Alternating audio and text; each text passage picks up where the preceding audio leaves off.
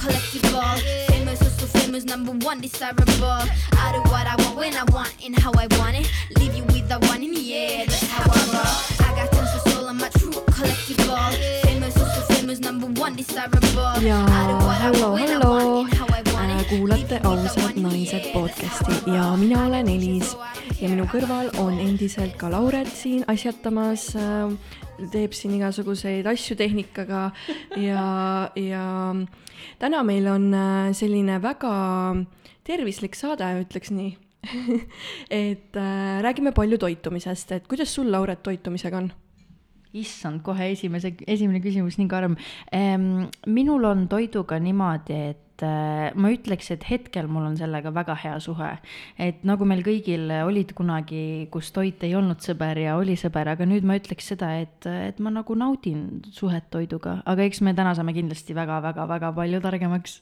ma arvan sama, et äh, täna meil on külas Triin Terasmaa, tere, tere, Triin. tere, väga põnev, väga põnev. kuidas sa ise ennast tunned, kas see on su esimene podcast? Podcast on küll esimene jah, aga ma olen ju ise harjutanud juba aasta aega, teinud igasuguseid äh, laive ja, ja põnevaid äh,, nii et ei, ma tunnen ennast väga hästi. jaa, sa ju teed enda keskkonnas ju täitsa neid webinare Mhm. moodi äh, vestluseid jaa. ka mm. -hmm. ma mõned laused Triinu kohta siis äh, siin ette loen ja, ja siis saame juba minna teema juurde edasi Triin Terasmaa on toitumisterapeut, teeta tervendamise praktik, Parmanord Eesti koolitaja. ta on töötanud era, riigi ja kolmandas sektoris, asutanud kolm ettevõtet, millest üks on toitumisteraapia keskus ja Triin aitab inimestel mõista siis, kuidas äh, toitumine võib meie tervislikku seisundit mõjutada. ebaterve eluviis on üheks põhjuseks krooniliste haiguste väljakujunemisel ning teeb, ning teeb keha erinevatele viirustele vastuvõtlikuks. Triin ütleb, et äh, teadlik, õnnelik, terve ja rahulolev inimene oskab enda tunnet kuulata, elab oma elu, vastutab oma elu eest normaalne on see, et me tunneme enda, end oma elus kogu aeg fantastiliselt. Elis, kas sina tunned ennast kogu aeg fantastiliselt? Äh, hea küsimus, kogu aeg kindlasti mitte, ma arvan, et see on ka inimlik. Et kogu aeg võib-olla me ei saa ka õnnelikud olla, on ju, et vahepeal tuleb nagu seda valu ja kõike muud ka kogeda. aga mulle meeldib tegelikult selle mõtte nagu point, et, et toitumine on väga paljuski selle nagu alus, et me tunneks ennast nagu mõnusalt enda kehas. et äh, võib-olla ma küsikski praegu kohe, et äh, Triin, räägi natukene enda taustast, kust sa tuled, milline sa olid väiksena? Oi kui põnev küsimus.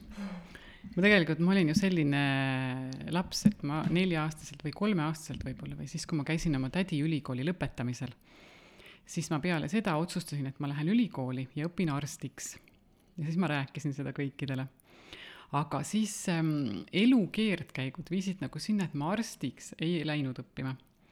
ja, ja nüüd ütleme siis neljakümneaastaselt, siis ma ikkagi nagu olen nagu maandunud nii-öelda noh, sarnasesse valdkonda on ju, et inimeste tervis. ja, ja tegelikult see on nagu veel ägedam minu meelest sellepärast, et see, see, mis mina teen, see toitumine, mis hõlmab ka minu silmis ikkagi ka seda vaimset osa on ju meie elus ja ka füüsilist treeningu osa, et see on nagu see kogu pakett on ju, ja, ja noh, mul on selle inimesega palju kauem aega tegeleda kui arstil. ja, ja see noh, tundub mulle praegu väga põnev kõik ja mõnus, naudin seda. aga ta- tahad veel, ma räägin midagi? ma, me tahame väga palju, et sa räägiksid täna, ma arvan, meil äh,, meil on siin jah kuskil nel-, nelikümmend küsimust, et noh, ma ei tea, vaatame, kuidas meil siin äh, kujuneb, on ju. ma võin endast siin jutustada tükk aega, aga võib-olla küsi veel. aga lapsena sind huvitas toitumine või üldse või mida sa sõid siis mm? -hmm. Ja tegelikult, kui ma mõtlen nüüd niimoodi, vot viieaastaselt ma mäletan, et ma kirjutasin prillidoosi saatest maha retsepte. ja, ja seal midagi tegin, eks ole. aga mind huvitas tegelikult rohkem selline loodus kui, kui tervendaja, sest ma mäletan juba eh, üheksa-aastaselt ma pesin niimoodi pead ju maal saunas, et ma alati leotasin ka nõgeseid vihmavees, ma kogusin vihmavett, leotasin seal nõgeseid, on ju, loputasin sellega pead võililledest tegin siis mingisugust seerumit ja määrisin omale pähe, on ju et ähm, ja, ja minu emapoolne vanaema on selline taimede korjaja olnud eluaeg. ja, ja temaga koos me korjasime, tegime palju sellist ähm, aiatööd nii-öelda taimedega ja ravimtaimi korjasime ja kuivatasime ja jõime neid teesid siis kuidagi eluaeg, nii et see on mul hästi loomulik, et ma joongi ainult ravimtaime teesid ja see on nii loomulik, et ma ei vaata nagu raamatust järjed, et noh, et umbes, et see et see noh, et see võilill nüüd parandab seda või, või mõni teine ravimtaim parandab teist, et ma vaatan nagu seal hommikul sahtlisse, et kes nagu täna tulla tahab, on ju. et, et see loodus on hästi tähtis olnud ka läbi elu.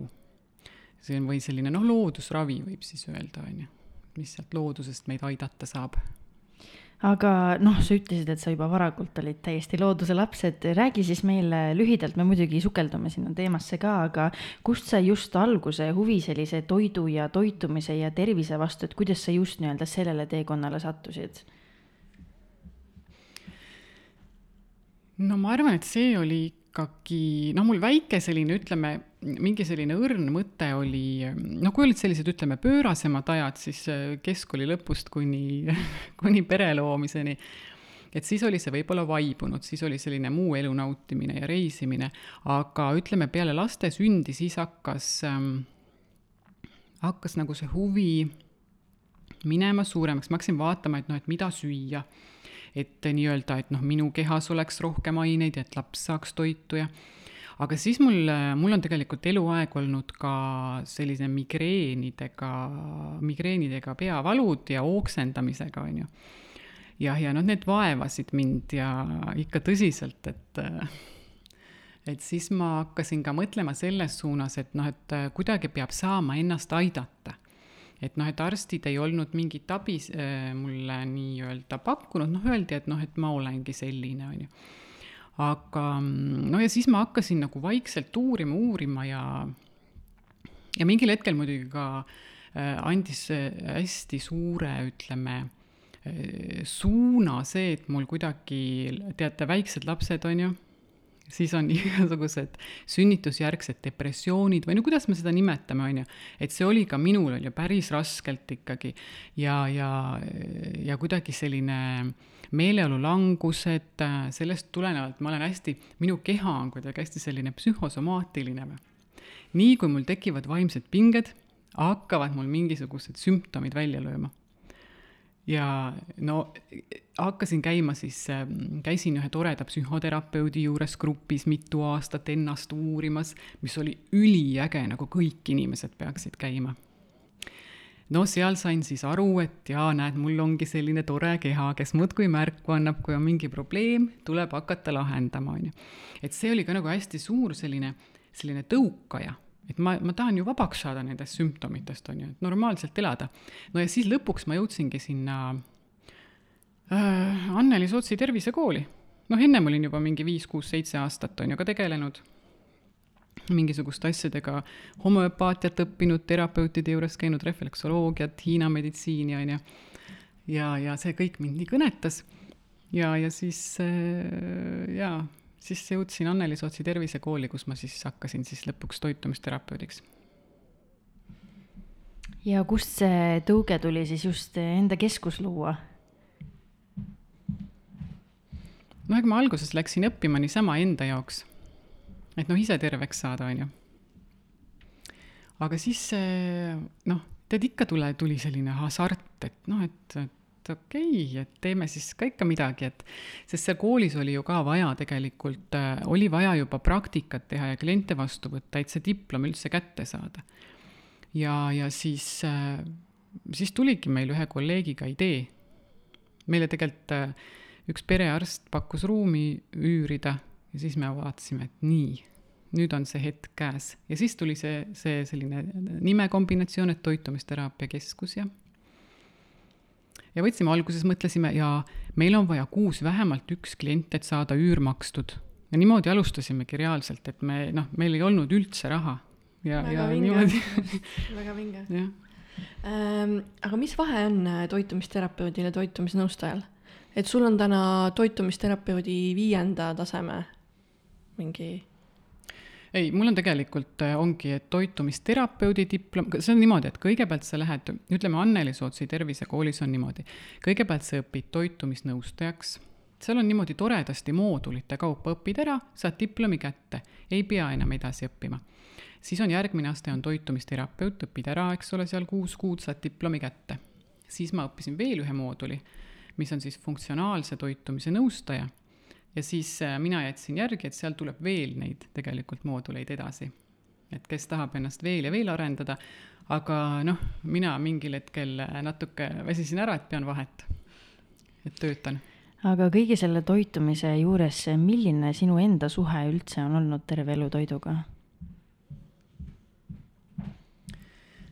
jaa, et mina olen noh, tegelikult lapsepõlvest saadik minule ikkagi väga on meeldinud need salatid igasugused ja taimed. ja ma olin selline laps, kommikauss oli laua peal, on ju, väiksest peale, ema on rääkinud.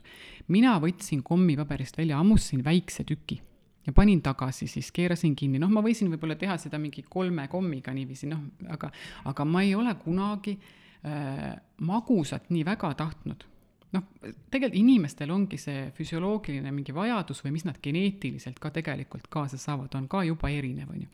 nii, vanaemaga koos alati ütlesin, vanaema, ma tulen, no mis me süüa teeme, no teeme siis värsket salatit ja praekartulit, on ju, noh, eks me kõik oleme kartuli peal kasvanud eestlased, aga no eks ma olen ka igasuguseid asju söönud, aga täna on niimoodi, et ma lähtun ikkagi sellest, et äh, puhas toit, terviktoit, see tähendab seda, et kartulipudru asemel siis kartul ja apelsinimahla asemel pigem apelsin, on ju.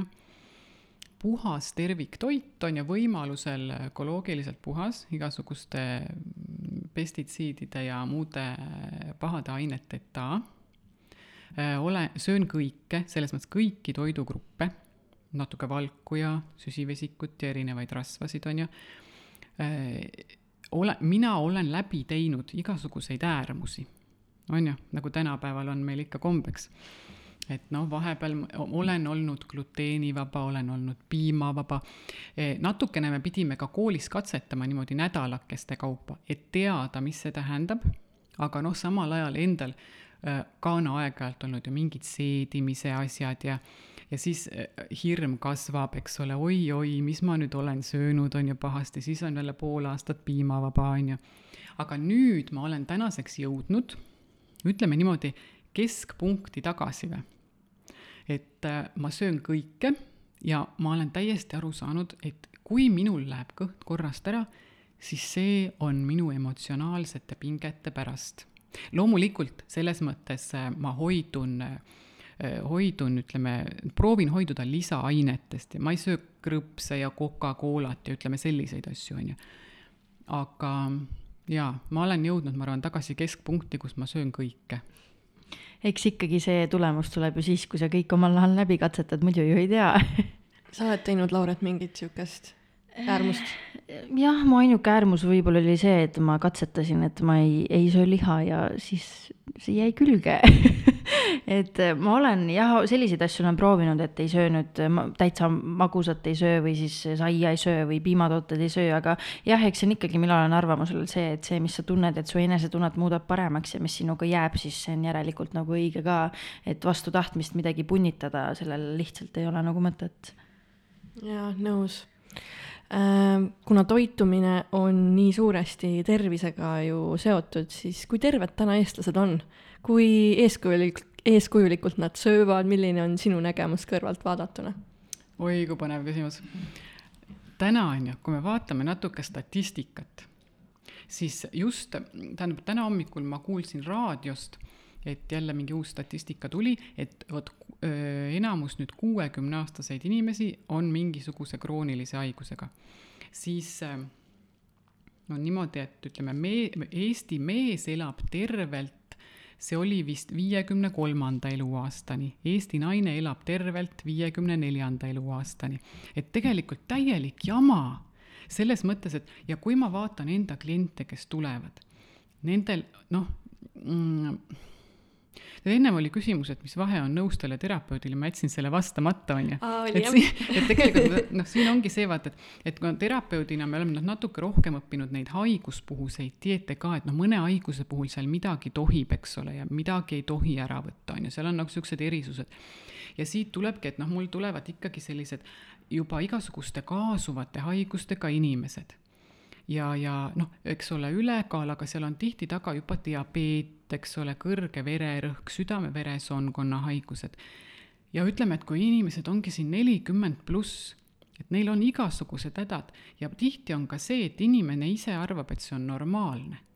et noh, ma ei tee midagi, et mis, et. et selles ja. vanuses on juba see normaalne mm.. jaa ja aga samal ajal ma näen inimesi, kes võtavad kätte, eks ole, võtavad siis selle jama toidust nii-öelda menüüst välja, hakkavad tegema füüsilist sellist noh, tasakaalukat, mitte äh, tippsporti enam, on ju, ja tegelevad ka selles mõttes oma mõttega, et teevad omal pähe ruumi nii-öelda, on ju.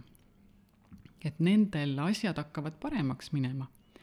aga selles mõttes minu ju ideaalne klient oleks see, kes tuleks ennetama. et ta tuleb minu juurde, ütleb, nii, Triin vaatame nüüd, mis ma nüüd teha saan, et surra tervena, eks ole, saja-aastaselt või noh, palju ta planeerinud on, eks. nii, aga kahjuks praegu nagu kuidagi ei ole inimestel seda arusaamist ja mina tahaks seda, et me hakkame praegu ka oma lastele õpetama, et sa võtad oma tervise eest vastutuse, kogu aeg on sul see vastutus. et see on see sinu to-do listis on see tervis on nagu noh, ütleme seal esimesel või noh, esimeste seas, eks ole. seal võib mõnedel muid tähtsaid asju ka olla aga et lastele juba õpetada, et nad kasvaksid selles vaimus, et sa võtad vastutuse. on ju, et mitte, et sa ootad ja siis sa lähed, viskad sinna arsti juurde siruli, loomulikult ju, ega arst ei saa sul seda haigust niimoodi ära võtta, ta saab nii-öelda noh, anda rohu, et leevendada ja et seda elukvaliteeti mingil määral on ju tõsta mm. -hmm, tegelikult tegeletakse ju selle tagajärjega seal. jaa, just aga meditsiin on muidugi super meil, vaata sa noh, autoõnnetus on ju, lähed tükkideks, sind lapitakse kokku. meil on nagu super maailma tasemel selles suhtes see meditsiin on ju. aga mida üldse sina defineerid jutumärkides siis hea tervise all, et kas hea tervis tähendab siis seda, et mul ei ole arsti poolt mitte ühtegi diagnoosi külge pandud, et siis ma olen supertervise juures mm? -hmm. no see on ikkagi see enesetunne et muidu, kui sa lähed, on ju, vaata, vahest on need naljakad reklaamid tänavatel, et, et tule enneta rinnavähki, on ju, tule nii-öelda siis äh, sinna testima, eks et siis ma vaatan alati, et nii naljakas, et see ei ole ju ennetamine. et ennetamine on see, et kui ma teen noh sporti, eks ole, toitun tervislikult ja, ja hoolin oma kehast, hoolitsen oma keha eest, on ju, teen omale pähe ruumi, et mõtted saaksid ka hoolitseda meie keha eest, on ju et see on ikkagi see tunne, kui sul on mõnus olla, nii. Ja loomulikult see ka see teadmine, et sul ei ole diagnoosi, on ju, või, või kui sul tuleb mingi diagnoos, siis äh, sa teed nagu nii palju kui võimalik enda aitamiseks. on ju, et see mõnus tunne ikkagi on see hea tervis ja, ja sa saad liikuda, sa saad nautida seda elu, on ju, sa saad käia, vaadata ringi, on ju, teha sporti, suhelda inimestega, et sul on mõnus olla kui palju sinu äh, klientide, kliente, keda sa vastu võtad, kui palju esineb inimestel anoreksiat ja buliimiat?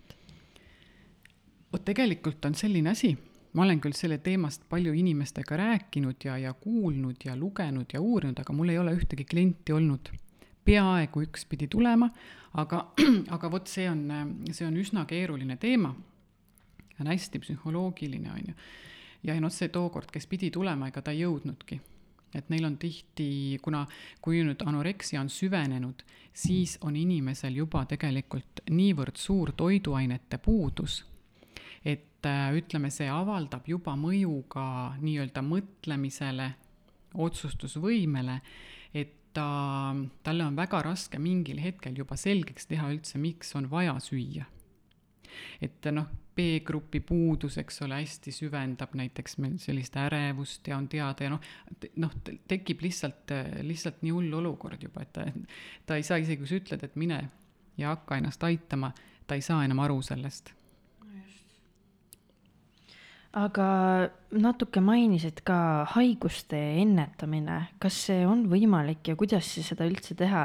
et teaduslikult on tõestatud, et kroonilised haigused on enamus osas ennetatav, et on see siis tõsi, minu jaoks on see näiteks üsna suur äh, šokeering hetkel mm. -hmm noh, on jah, selles mõttes teaduslikult meil isegi üks Eesti mees, äh, Taavi Tillmann, on toonud äh, kenasti ja tõi paar aastat tagasi ajakirjas Arst välja kõik äh, suure uuringu, kuidas, äh, kuidas, eks ole, südame-veresoonkonna haigused, mis, mille tõttu sureb kõige rohkem inimesi tegelikult meil siin ka täna on, on suures osas ennetavad. loomulikult, kui sul ei ole mingi geneetilise, geneetilise rikkega seal tegemist, eks ole ja, ja diabeet, eks ole, diabeet kaks suures osas on ka isegi ikkagi tagasipööratav kui hakata jäl-, no ütleme, võtame selle diabeet kahe, diabeet üks on nüüd, on keerulisem, äh, keerulisem haigus, et seda me praegu jätame välja, aga diabeet kaks on selline, et kui sa võtad ennast väga nagu käsile, et siis tõesti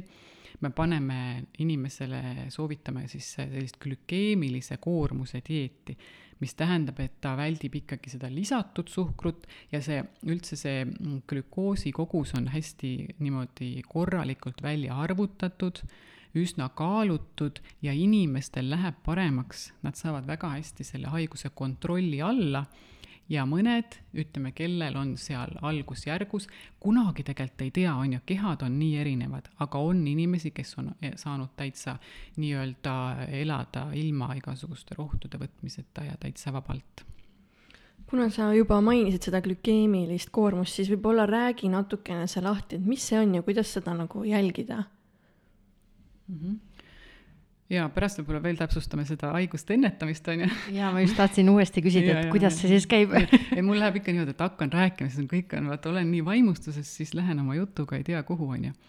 aga glükeemiline koormus on nüüd selline asi, et glükoosi me saame süsivesikutest, on ju.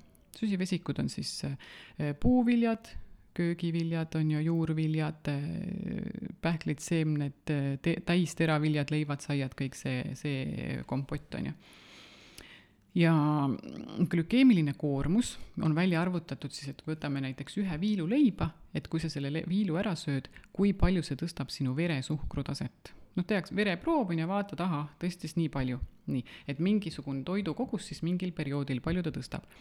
ja nüüd on selline asi, et kui ütleme, meie menüü mis tänapäeval on tihti inimesel see, et ta võtab nüüd ähm, Hesburgeri eine, eks ole, seal on friikartulid, rafineeritud valgejahu, mis hästi tõstavad seda veresuhkrut kiiresti, sest need on töödeldud toidud. ja võtavad kõrvale Coca-Cola pudeli, kus pooleliitrise sees on üheksa teelusikatäit suhkrut. nii, üheksa see tõstab siis, see suhkruports tuleb see nii kiiresti sisse, pah, ta tõstab veresuhkru väga kõrgeks, nii. ja kui, ütleme, terve inimene saab sellega hakkama, siis peab pankreas hakkama tootma insuliini, see on niisugune hormoon, mis aitab seda suhkrut sealt verest kiiresti ära viia rakkudesse. aga kuna, kui seda tuleb liiga palju, mis siis saab? siis ülejäägist üle, natukene keha kogub paneb varudeks, aga väga vähe. Ülejääk läheb rasvarakkudeks. nii. Äh, mõnel ei teki neid rasvarakke võib-olla nii palju, nendel läheb ta kuskile mujale, ta võib soodustada, kõikidel võib ta soodustada diabeeti, igalühel ei tule ja just nimelt see veresuhkru kõikumine, kui, kui see vaene pankreas peab kogu aeg väga palju seda insuliini tootma, et seda ära koristada sealt. ja kui see toimub pikaajaliselt niimoodi, ütleme paar aastat või rohkem, no vot siis võib juba olla oht, et ta hakkab minema diabeediks.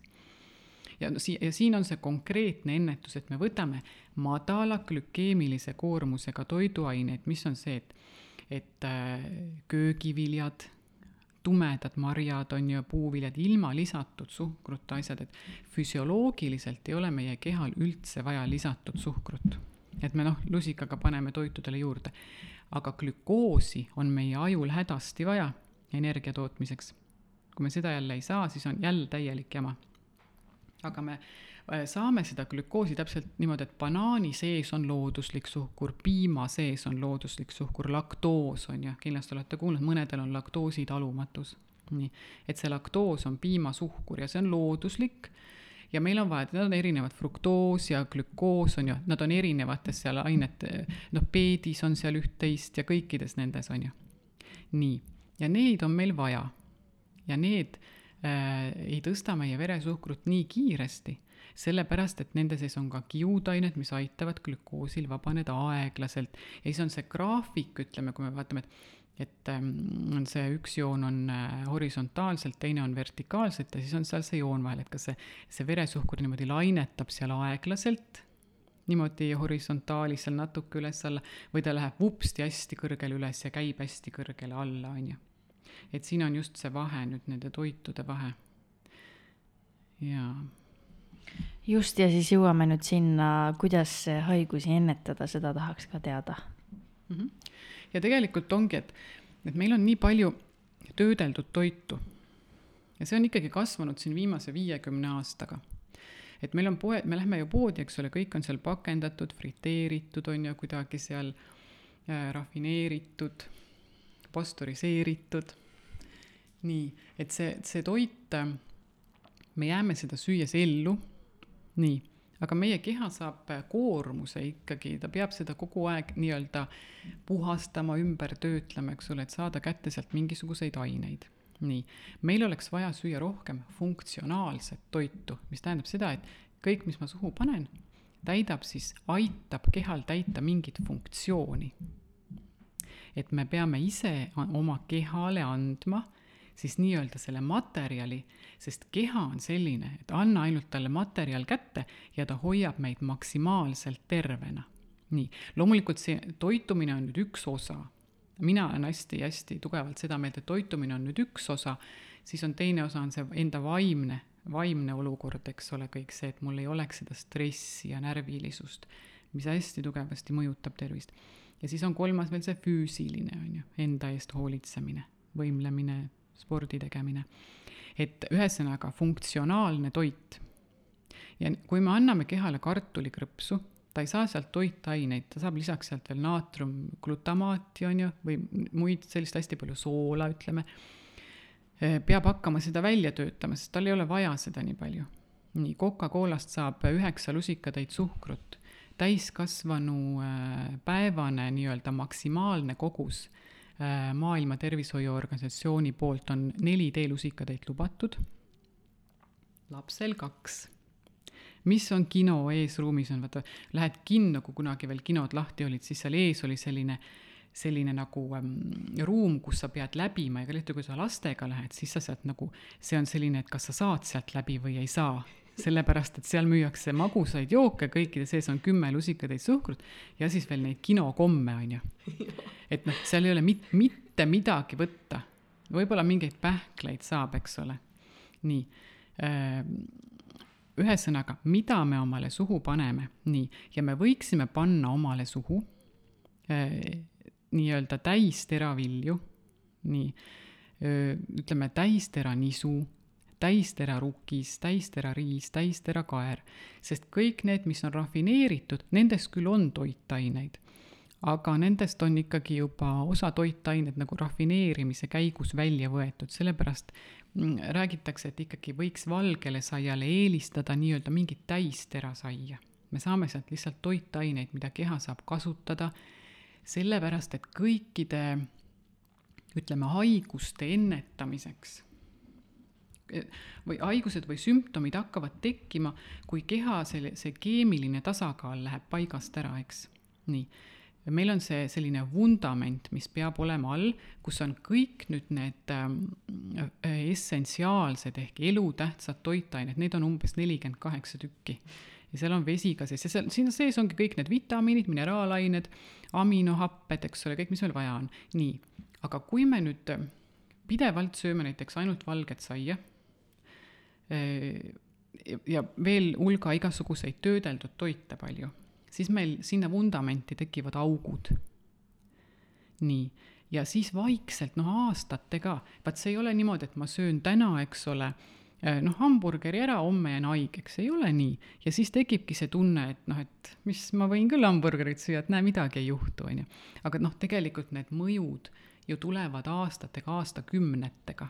ja siis ongi see, et see Eesti mees jõuab sinna viiekümne kolma, kolme eluaastani ja siis on need kroonilised haigused platsis, on ju. ja eriti noore inimese keha, noh, kannab kõik välja selle, on ju. et, et see puhas toit, võimalikult puhas toit, terviktoit. see ongi siis nii-öelda krooniliste haiguste ennetamine? jaa, see on see esimene baas, et meil oleks keha keemiline tasakaal tagatud aga sa oled päris palju siin rääkinud ka sellest äh, vastutuse võtmisest ja vist oled maininud ka, et tervenemiseks või tervise toetamiseks on vaja siis võtta vastutus äh, oma loomise eest ehk enda elu eest. et äh, kuidas siis võtta vastutus oma tervise eest, nii et sa oled maksimaalselt terve, nüüd peale selle, mis sa just rääkisid, et ennetada neid kroonilisi haiguseid mm? -hmm. Mm -hmm.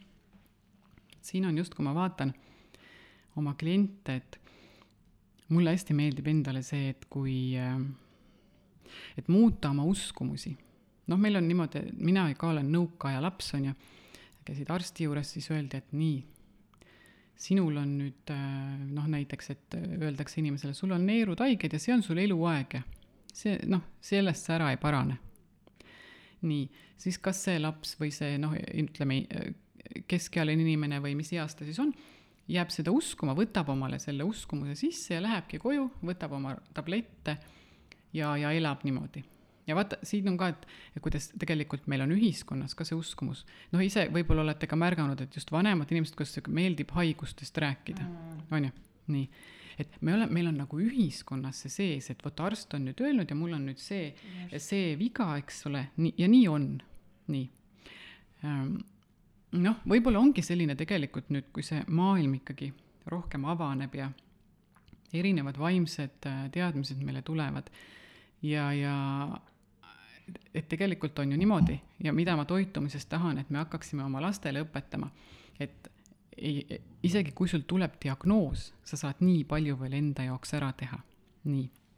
aga see tähendab sisemist otsust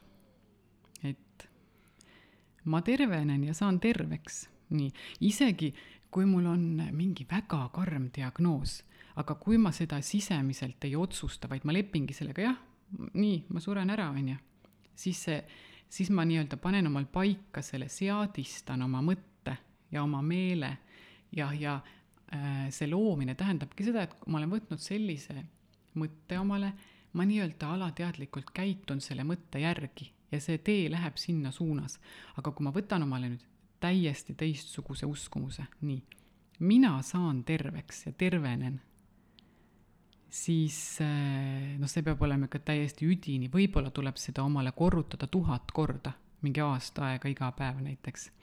iga kord tunnetad, jälle tuleb see vana tagasi, et ei, ma olen ju haige, siis ma tervenen, on ju, iga kord ja sa muudad ära oma uskumused selles osas ja siis hakkab see minema tervenemise suunas. isegi äh, võib-olla, kui te mäletate ka oma elu peale, mõeldes, et lapsepõlves mingid unistused on ju, unistad täiega ära, mõtled valmis, et no näiteks, et et äh, suurest peast, et mul on see mees ja kaks last ja maja ja, ja siis ma käin seal Tartu Ülikoolis ja siis ma teen seda ja asjad lähevad täpselt nii noh, ütleme, need on niisugused üldised, mis võivad küll kõigil olla, aga, aga, aga kindlasti on mingeid noh, ütleme väiksemaid asju või ja pärast mõtled üllatusega ja läkski niimoodi, on ju. et, et noh, et see ongi see, kuidas sa lood oma elu, aga tee seda kõikides nagu, absoluutselt kõikides asjades ma tegelikult äh, ennem ei maininud, et ma sain Triinuga tegelikult tuttavaks Metodraie kursusel, kus ta siis äh, mulle kirjutas ja ütles, et tahab minuga koostööd teha seoses sellega, et suunata siis enda kliente mulle. Äh, aga seal me õppisime ka, et kuidas teha neid taotlusi, et olla raku tasandini täielikult terve. et seda ka lausuda endale, et ma arvan, et see ka nagu aitab kuulajaid ma juba nii ootan, et sinna minna. Jaa, Lauret registreeris ennast järgmisele lennule. Äh,. aga ma küsiks, et mida siis teha, et oma, mida teha oma immuunsussüsteemi heaks ja kuidas seda toetada, et me seda, sellest on nii pikalt ja laialt äh, jahutud, on ju mhm. see on ka põnev teema, vaata, täna võtad Google'i lahti või Face'i ja kohe tuleb, on ju, igalt poolt, on ju, tõsta immuunsust aga vot immuunsus on jah selline, et sa niimoodi ei saa tõsta, et nüüd tuli sügis, ahah, arvutan välja, et nüüd see novembri ja esimesel novembril algab see viiruste periood, et ma varun selleks ajaks omale siis mitu karpi C-vitamiini ja siis ongi kõik hästi, on ju. et tegelikult see, neid immuunorganeid on meil juba nii palju kehas ja kogu see süsteem on biokeemiliselt nii keeruline, on ju, et noh, üks aitab, üks aitab teist ja teine aitab kolmandat. ja, ja tegelikult äh, tuleb valmistuda, ütleme, viiruseperioodiks aasta aega ette tuleb hakata valmistuma. ja noh, tegelikult äh, selline viiruste äh, nii-öelda eemale tõrjumise plaan ongi tegelikult seesama tervislik toit, mis peab olema elu lõpuni aga mitte, ega see tervislik toit ei ole ka mingi asi, et nüüd see on nüüd see tervislik toit, me peame nüüd seda kõike järgima, eks ole, sunniviisiliselt siin, kui ma tahan terve olla. see tuleb veel kõik lõdvaks lasta, on ju, hästi chill'ilt nagu võtta. Aga ütleme nii, kõigepealt see jälle seesama, see vundament, millest ma rääkisin, on ju, et me peame saama kätte kõik toitained ja siis me saamegi, kui me võtame, tead, riiklikes toidusoovitustes on minu meelest nii äh, äh mõnus on see taldriku reegel võib-olla ma ei tea, kas olete kuulnud, näinud seda pilti, et on see ümmargune taldrik, see on pooleks kõigepealt. pool on erinevad köögiviljad, sinna saab ka panna marjad, eks ole. Üks neljandik on siis see valguline, kas liha või taimne valk või kala, on ju, ütleme valguline aine, ja üks neljandik on siis täisteraviljad ja sinna ka siis mõni kartulikene. nii. ja sealt me saame tegelikult, kui niimoodi süüa, see poit, toit on puhas kusjuures minu arust see on, see on nii äh, võimas, see pilt, et söö kolm korda päevas selle järgi sa saad kätte enam-vähem tasakaalustatud toidu. no muidugi me võime minna peensusteni seal, eks ole, hakkame vaatama noh, seda toidu kvaliteeti just, eks ole, ka. nii, ja toitumissoovitused üle maailma on enam-vähem ühesugused. aga miks neid keegi järgi? sest neid ei müüda kalli raha eest, et oo, tule osta kümne päevaga sada kilo alla, on ju. Mm. noh, neid ei müüda niimoodi ja see on see, et sa pead endaga ise tööd tegema, mida tegelikult no meil väike laiskuse uss on ikka sees ja me ei viitsi, on ju, nii. ja immuunsus on ju, no näiteks see, see vundament, need nelikümmend kaheksa essentsiaalset ehk elutähtsat ainet, mis me saame üldiselt kõik toidust kätte, nii. aga meil jäävad veel mõned augud sinna vundamenti, noh näiteks paari toidulisandi näol. et kõik ju tänapäeval teavad, et D-vitamiin on ju, meil ei ole seda piisavalt. ja meie suvel ka keha seda väga ei sünteesi, on ju. no kõik teavad, et peab seda juurde võtma, on ju, nii. aga seal on mõned veel, näiteks seleen, mida kolmkümmend aastat on Eesti teadlased ja Soome ja Poola teadlased siin koostöös uurinud, et meie pinnased on seleenivaesed ja populatsiooni veres on äh, seleeni defitsiit, see tähendab seda, et inimgruppidest on aeg-ajalt mõõdetud seleeni kolmekümne aasta jooksul. on täiesti uskumatud, äh, suured tööd on ära tehtud, mitmed Eesti arstid on osalenud ja on teada, et meil on inimesed seleeni defitsiidis, eriti suur defitsiit on, äh, on vähihaigetel, on välja tulnud uuringutest, ja on veganitel, eriti suur. Nii, nii Soome kui Rootsi kui Taani uuringud niimoodi, et see on üks asi siis, mida võib veel sinna täienduseks võtta ja seleen, nii, on väga tähtis, kui me võtame keha toodab ise suuri antioksüdante. üks nendest on glutatiooni peroksüdaas. Neid niisuguse keerulise nimega, mis keha, keha ise toodab, on seal mingisugune viis-kuus tükki, on ju. aga kui meil on seleeni defitsiit, siis selle konkreetse suure antioksüdandi tootmine keha poolt võib väheneda üheksakümmend protsenti ja ongi, keha ei tooda antioksüdanti, nii, ja meil on ju kohe immuunsus, eks ole, on mõjutatud. nii, et selles mõttes äh, sinna vundamendi augud tuleb ära täita, nii, üks nendest ük, ja üks asi sealt on veel kindlasti oomega kolm, mida professor Mihkel Silmer ütleb, et tuleks võtta päevas ikkagi viissada äh, ühikut juurde. nii. mis see ühikut tähendab siis? No seal tavaliselt ongi nendel, vaata, eh, D-vitamiinil on IU mm, -hmm, on ju, sellel on siis milligrammid, on ju, kellel on seal mikrogrammid, et ähm, et, et selles mõttes, noh ja seal paremad, mõned siis preparaadid on seal, tuhat on juba kokku seda EPA-t ja DH-d, mis on siis oomega kolm rasvhapped. et seda on ka välja tulnud testidest, et vähemalt meie piirkonnas siin inimestel on seda liiga vähe ja see on jälle suur põletikuvastane nii-öelda tegelane meie kehas ja siis on veel kuu kümme, aga kuu kümme hakkab, ütleme, kahekümnendates hakkab lihtsalt keha seda vähem sünteesima. nii. see on selline koensüüm nimetatakse ka võib-olla vitamiiniks, ka täna hästi palju räägitakse.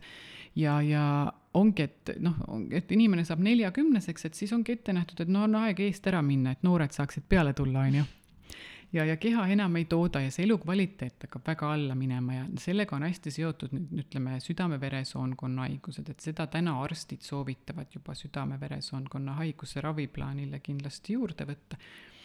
ka Eestis me Pharmanordis kuuleme juba üle päeva, kuidas jälle keegi arst on soovitanud, sest inimesed helistavad meile, et noh, apteegis jälle ei olnud või noh, midagi sellist, eks. et mis on hästi tore, et neid vundamendi auke täidetakse ja, ja ongi nii, näiteks, mis on huvitav, et suured, ütleme, kliinilised platseebo kontrollitud uuringud mis on nüüd just selle Pharmanordi kuukümnega tehtud, näitavad, kuidas südame-veresoonkonna haiged saavad nagu, ütleme, neil elukvaliteet paraneb viiskümmend protsenti. Noh, seal peab uuringust võib veel täpsustada, et täpselt mis, mis haigused on ju, aga see on ikkagi märkimisväärne, on see viiskümmend protsenti ja, ja just, ja seleen veel lisaks on, mis mul läks meelest ära öelda, on ju äh, raskemetallide antagonist, ehk ta aitab neid raskemetalle siduda ja kehast välja viia. ja vaata täna päris palju ähm, noh, vaatad jälle sealt kuskilt loed, eks ole, oi, sa, sul on raskemetalli sees, palju pead puhastust tegema. aga sa võid ükskõik mis pulbritega puhastust teha, aga kui sul seal vundamendis seleeni ei ole, on ju. sa mõtled neid detox kuure, mida no näiteks jaa, et eh, kui sul vundamendis ikkagi seleeni pole, siis see noh, võib jääda, ütleme, poolikuks, ta kindlasti aitab eh, mingil määral, aga see seleen peaks olema seal vundamendis sees aga Triin kinkis meile nüüd siin Lauretile mõlemale eh, tsingi ja tseleeni Parmanordi omad, eks ole mm. -hmm. Täna... suveks siis healthy ja fit just, just aga praegu on ju meil väga aktuaalne teema Covid-19 pandeemia. et äh, me räägime siis sellest ka, et kas on üldse võimalik siis praegu midagi ise teha selle jaoks, et end viirusest hoida, et äh, räägi meie kuulajatele, mida sa soovitad. kas esimene asi on see, et äh, joosta vaktsiini tegema? no muidugi, noh, mina vaatan rohkem just selle, eks ole, toitumise ja tervise eest hoolitsemise poolt. Vaktsiini teeb igaüks vaata vastavalt oma tundele. otsustab, teeb, siis teeb. et ähm, ja see, et nüüd, mis me saame teha, näiteks no ma olen täiesti vaimustuses, Šveitsi riik äh, nüüd kahe tuhandenda aasta lõpus, ehk siis eelmise aasta lõpus, või oli selle aasta alguses, andis välja riiklikud soovitused nii-öelda eh, Covidi ennetamiseks, et viirus ei hakkaks nii kergelt külge. esimene punkt oli tervislik toitumine, see oli muidugi selles dokumendis on lahti seletatud, kes tahab, saab otsida seda internetist. Eh, siis oli, ja siis olid eh, vitamiinide, mineraalainete soovitused ja seal oli sees siis tsink, C-vitamiin, D-vitamiin ja seleen. ja üks oli veel, ma ei mäleta praegu, mis see üks oli aga neli neid, neli needsamad asjad, mis üldiselt, mis meil on puudused, mis on juba teada, nii. et mina just mõtlen, et kuulan neid uudiseid ka vahest, et Eesti riik võiks ju ka midagi sellist soovitada, et tehke ennetuseks, no see on üks asi, eks. aga noh, teine, teine on see üldine et Šveitsil on niisugused konkreetsed juhendid, aga teine ongi üldine, et sa ikkagi tervislik toitumine, füüsiline treening ja vaimne ja teate, kuulajad, ma ütlen teile veel äh, siia väikse kõrvalpõikena seda, et äh, Triin on ka ausate meeste üritusel oktoobris äh, rääkimas kohal oma Parmanordi äh, toidulisanditega, eks ole, või? nojah, seal on võib-olla see fookus oli meil tegelikult, et mida teha oma tervise heaks nüüd ja kohe, eks. ja noh, samamoodi, et noh, tegelikult see kõik see, mis me täna siin räägime, seal ma pean siis ta kuidagi niimoodi poole tunni sisse panema. et eks siis näis, kuidas õnnestub aga sa mainisid ka siis neid nelja äh, ainet, mida meil siis täpselt puudu on, aga meil ühes saates oleme briefly puudutanud ka seda vitamiinide teemat, et kui mul nüüd ongi D-vitamiinid, C-vitamiinid, singi, seleeni puudus, siis neid valik, vitamiini valikuid on ju nii palju apteegis, et kuidas ma siis tean, milline on see puhas, milline on see õige, millist võtta, sest kui ma lähen isegi apteeki, on C-vitamiini, mis on äh, neli eurot ja on C-vitamiini, mis on nelikümmend neli eurot. ja mina ütlen ausalt, ma seisan seal nagu kits kinokuulutuse eest, ma ei tea, milline see mulle siis nagu sobib, et kuidas sa orienteerud selles, selles olukorras? jaa, ma kõigepealt äh, korraks äh, lähen eelmise juurde tagasi, et kui nüüd inimene vaatab, et mis toidulisandeid võtta, et paljud ju kirjutavad, et nii, B-vitamiin, elueliksiir, sa saad igavese elu, on ju, tal on tuhat vajalikku asju sinu kehas, kui sa seda ei võta, siis no täiesti lõpp, on ju. aga enamus asju me saame toidust kätte ja esimese valikuna jäävad sõelale need, mis on teada, mille, et inimesel on defitsiit, on ju nii, sõelale jäävad need, mis ma nimetasin nii, ja siis ma lähen sinna, e, e, edasi alati saab mõõta, tegelikult alati tasub mõõta ka verest, on ju. ja siis ma lähen apteeki nii, või ütleme, meil on loodusapteegid ka ju väga head, on ju. ja hakkan vaatama, aga vot siit tuleb nüüd see toidulisandite kvaliteet. oi, see on mul täiega lemmikteema mm. -hmm. sellepärast, et vaata, ütleme, et Eestis toodetakse mingit toidulisandit, siis mina ostjana või sina ostjana, et küsi, kas selle tootega on, eh, kõigepealt, kas see toode on toodetud Eestis, nii, kui ta on sisse ostetud ja ainult pakendatakse Eestis, siis me ei tea ju, kust see tooraine pärit on, ta võib olla pärit ka Serbiast, eh, mingist tehasest, on ju, näiteks. nii, seda võib küsida. nii, kui nüüd eh, on toodetud Euroopa Liidus, eks, siis kas tooraine on ka pärit Euroopa Liidust, siis tuleb järgmine küsimus, on ju, mida me ei oska, on ju, niimoodi peale vaadates, on ju, mõelda et kui ta on Euroopa Liidus, Euroopa Liidu tooraine siin on toodetud, siin on testitatud, siis see on juba üks selline näitaja, on ju, nii. Ehm, sest siin on noh, mingisugusedki nõuded, kui ta on Serbias toodetud või Indias, no me ei tea isegi, mis kvaliteedinõuded seal tehastes on. siis eh, kas on selle sam-, eh, selle konkreetse tootega tehtud uuringuid, nii tavaliselt on kirjas, kui sa vaatad äh, toidulisandite müüjaid ja maaletoojaid, on kirjas, et me oma toote tootmisel toetume teadusuuringutele. nii. Äh, sa võid muidugi täpsustamiseks küsida, et kas ta toetub nagu seljaga või õlaga näiteks, on ju. Äh, või on tehtud päriselt selle tootega teadusuuringuid, tavaliselt on tehtud need mingite muude toodetega. aga siin on nüüd see, et isegi kui tooraine on sama, siis väga tähtis on töötlemisviis, eks see protsess. Mm.. ütleme, toon näiteks siia kuukümne, nii, täna väga populaarne. kuukümme on selline kristalliline aine, eh, kui sa pistad tema suhu, siis see, need kristallid peavad nagu, mm, eh, peavad imenduma kehas aga nad peavad ennem lagunema molekulideks, aga see kristalliline kuukümme laguneb molekulideks alles neljakümne seitsme kraadi juures, aga kehatemperatuur on kolmkümmend seitse, nii. kui keegi on pannud kuukümne kuivkapslisse pulbrina, siis ongi see, et ta ei saa mitte mingi, ta ei saa lihtsalt imenduda. nii kui keegi on pannud kuukümne äh, veespreisse, ma tean, et Eestis müüakse ühes looduspoes sellise spreina kuukümmet vee baasil, siis noh, seal ei ole, seal on nagu null ja inimesed ostavad seda.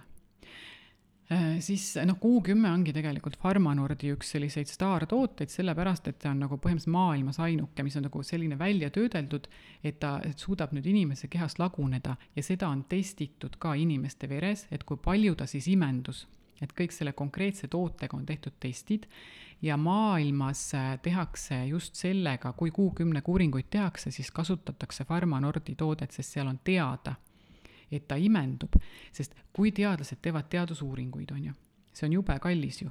sa võtad näiteks mingisugune viis tuhat inimest, annad neile preparaati mingi noh, kolm aastat või viis aastat järjest, et teha neid uuringuid, vaadata, kuidas ta mõjub südame-veresoonkonna haigustele ja nii edasi.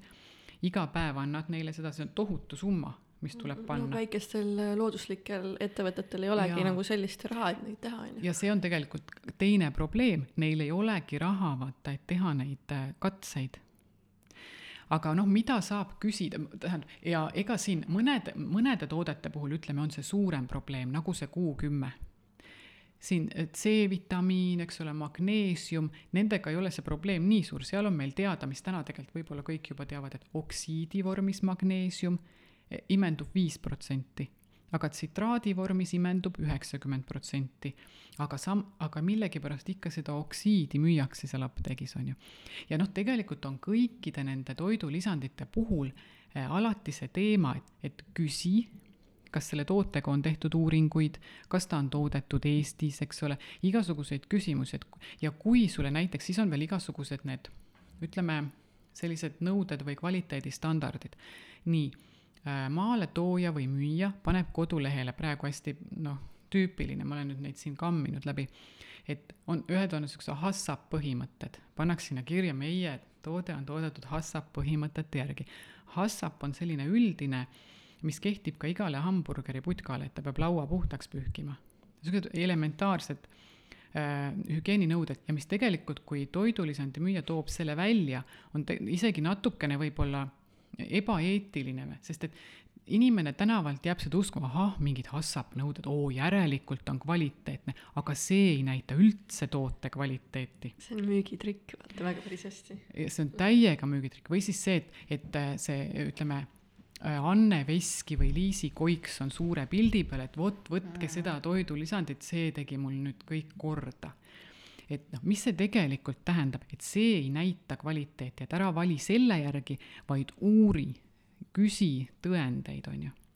et äh, ja, ja noh, miks äh, mina töötan Pharma Nordis, on see, et seal on need asjad testitud.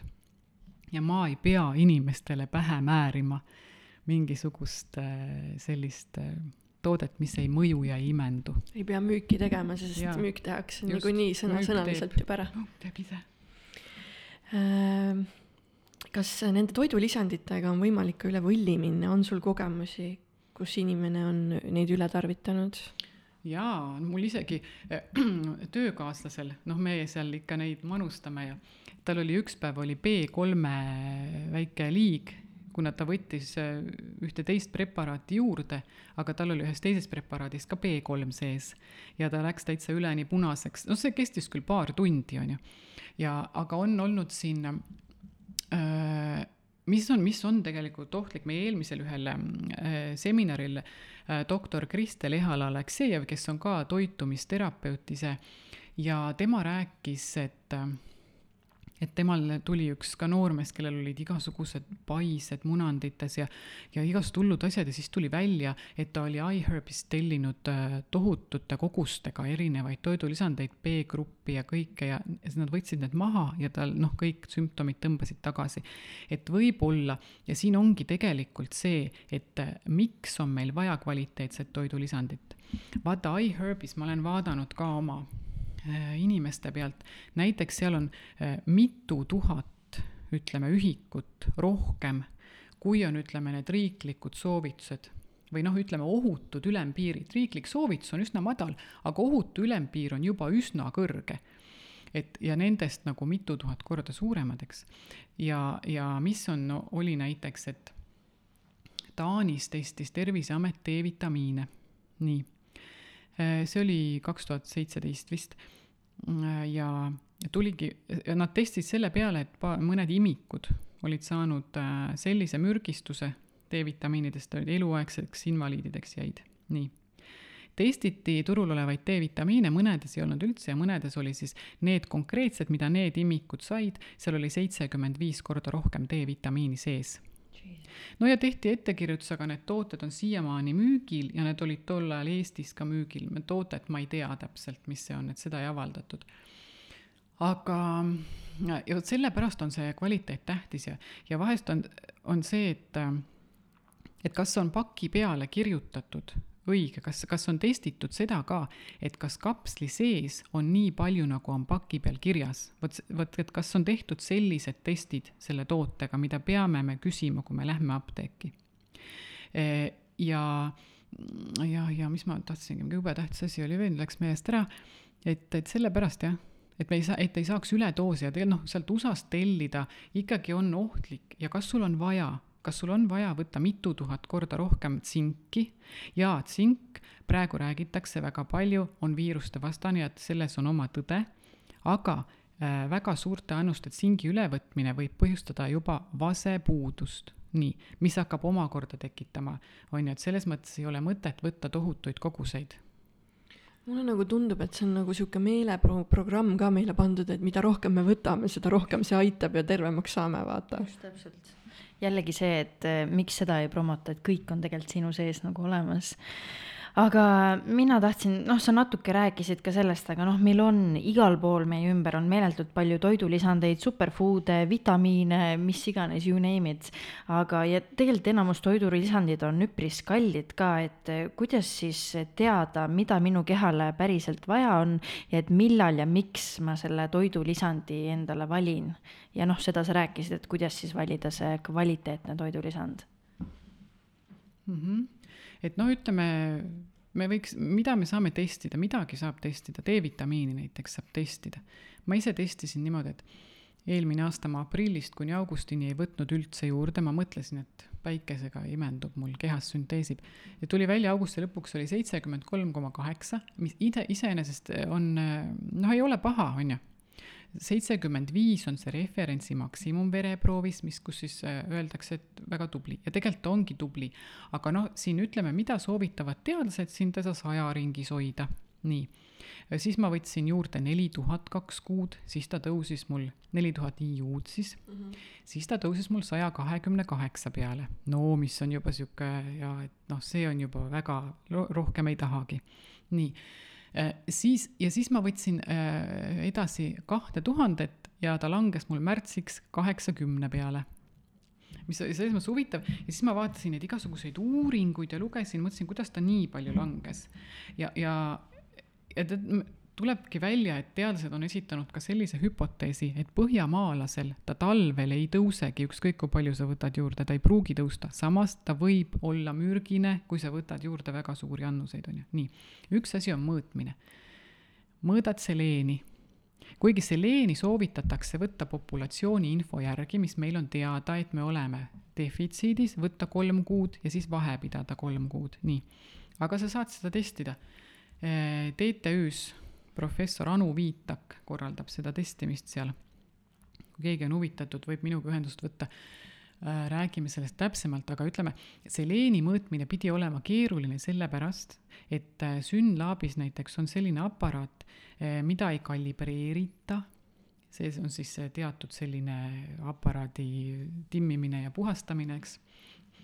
Ehm, ja tema annab mõõte määramatuseks kaheksakümmend et sul on siis, on sul näiteks, ütleme, sul on viiskümmend, ta, aparaat võib näidata, et sul on ta pluss veel kaheksakümmend on ju, sealt edasi, aga seleen võiks veres olla selline tase kaheksakümmend kuni sada kakskümmend, nii.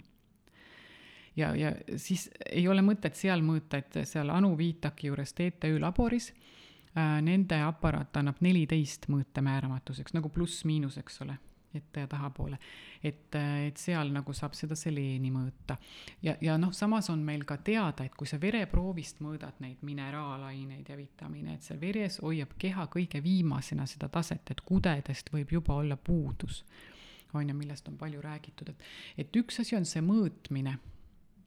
oota, küsimus oli see, et mis mul vaja on või jaa, mu küsimus oligi lihtsalt, et kuidas ma tean, mida mul vaja on ja kuhu ma seda siis ostma lähen, et ma saangi ja. aru, et siis kõige mõistlikum viis ongi kasvõi elus vähemalt korra teha siis test ja vaadata, et mis su kehas on ja mis su kehas ei ole mm. -hmm. ja just, noh, mingid ongi, mis meil sõelale jäävad, need paar, eks, et on teada, mida on vähe, mida me ei saa toidust need neli tükki on ju seleen, oomega kolm D-vitamiin ja, ja Q10 ütleme siin vanematel ja siis edasi tuleb mõõta, edasi, kui hakata midagi ise võtma, vaata tegelikult on ju see, et me võime teha niimoodi, võtta ükskõik millise vitamiini või mineraalaine, panna paberi peale ja siis talle teha ümber mingi sada väga vajalikku ülesannet, on ju, kirjutada, mis on tema just organismis, millest tema on seotud, nii.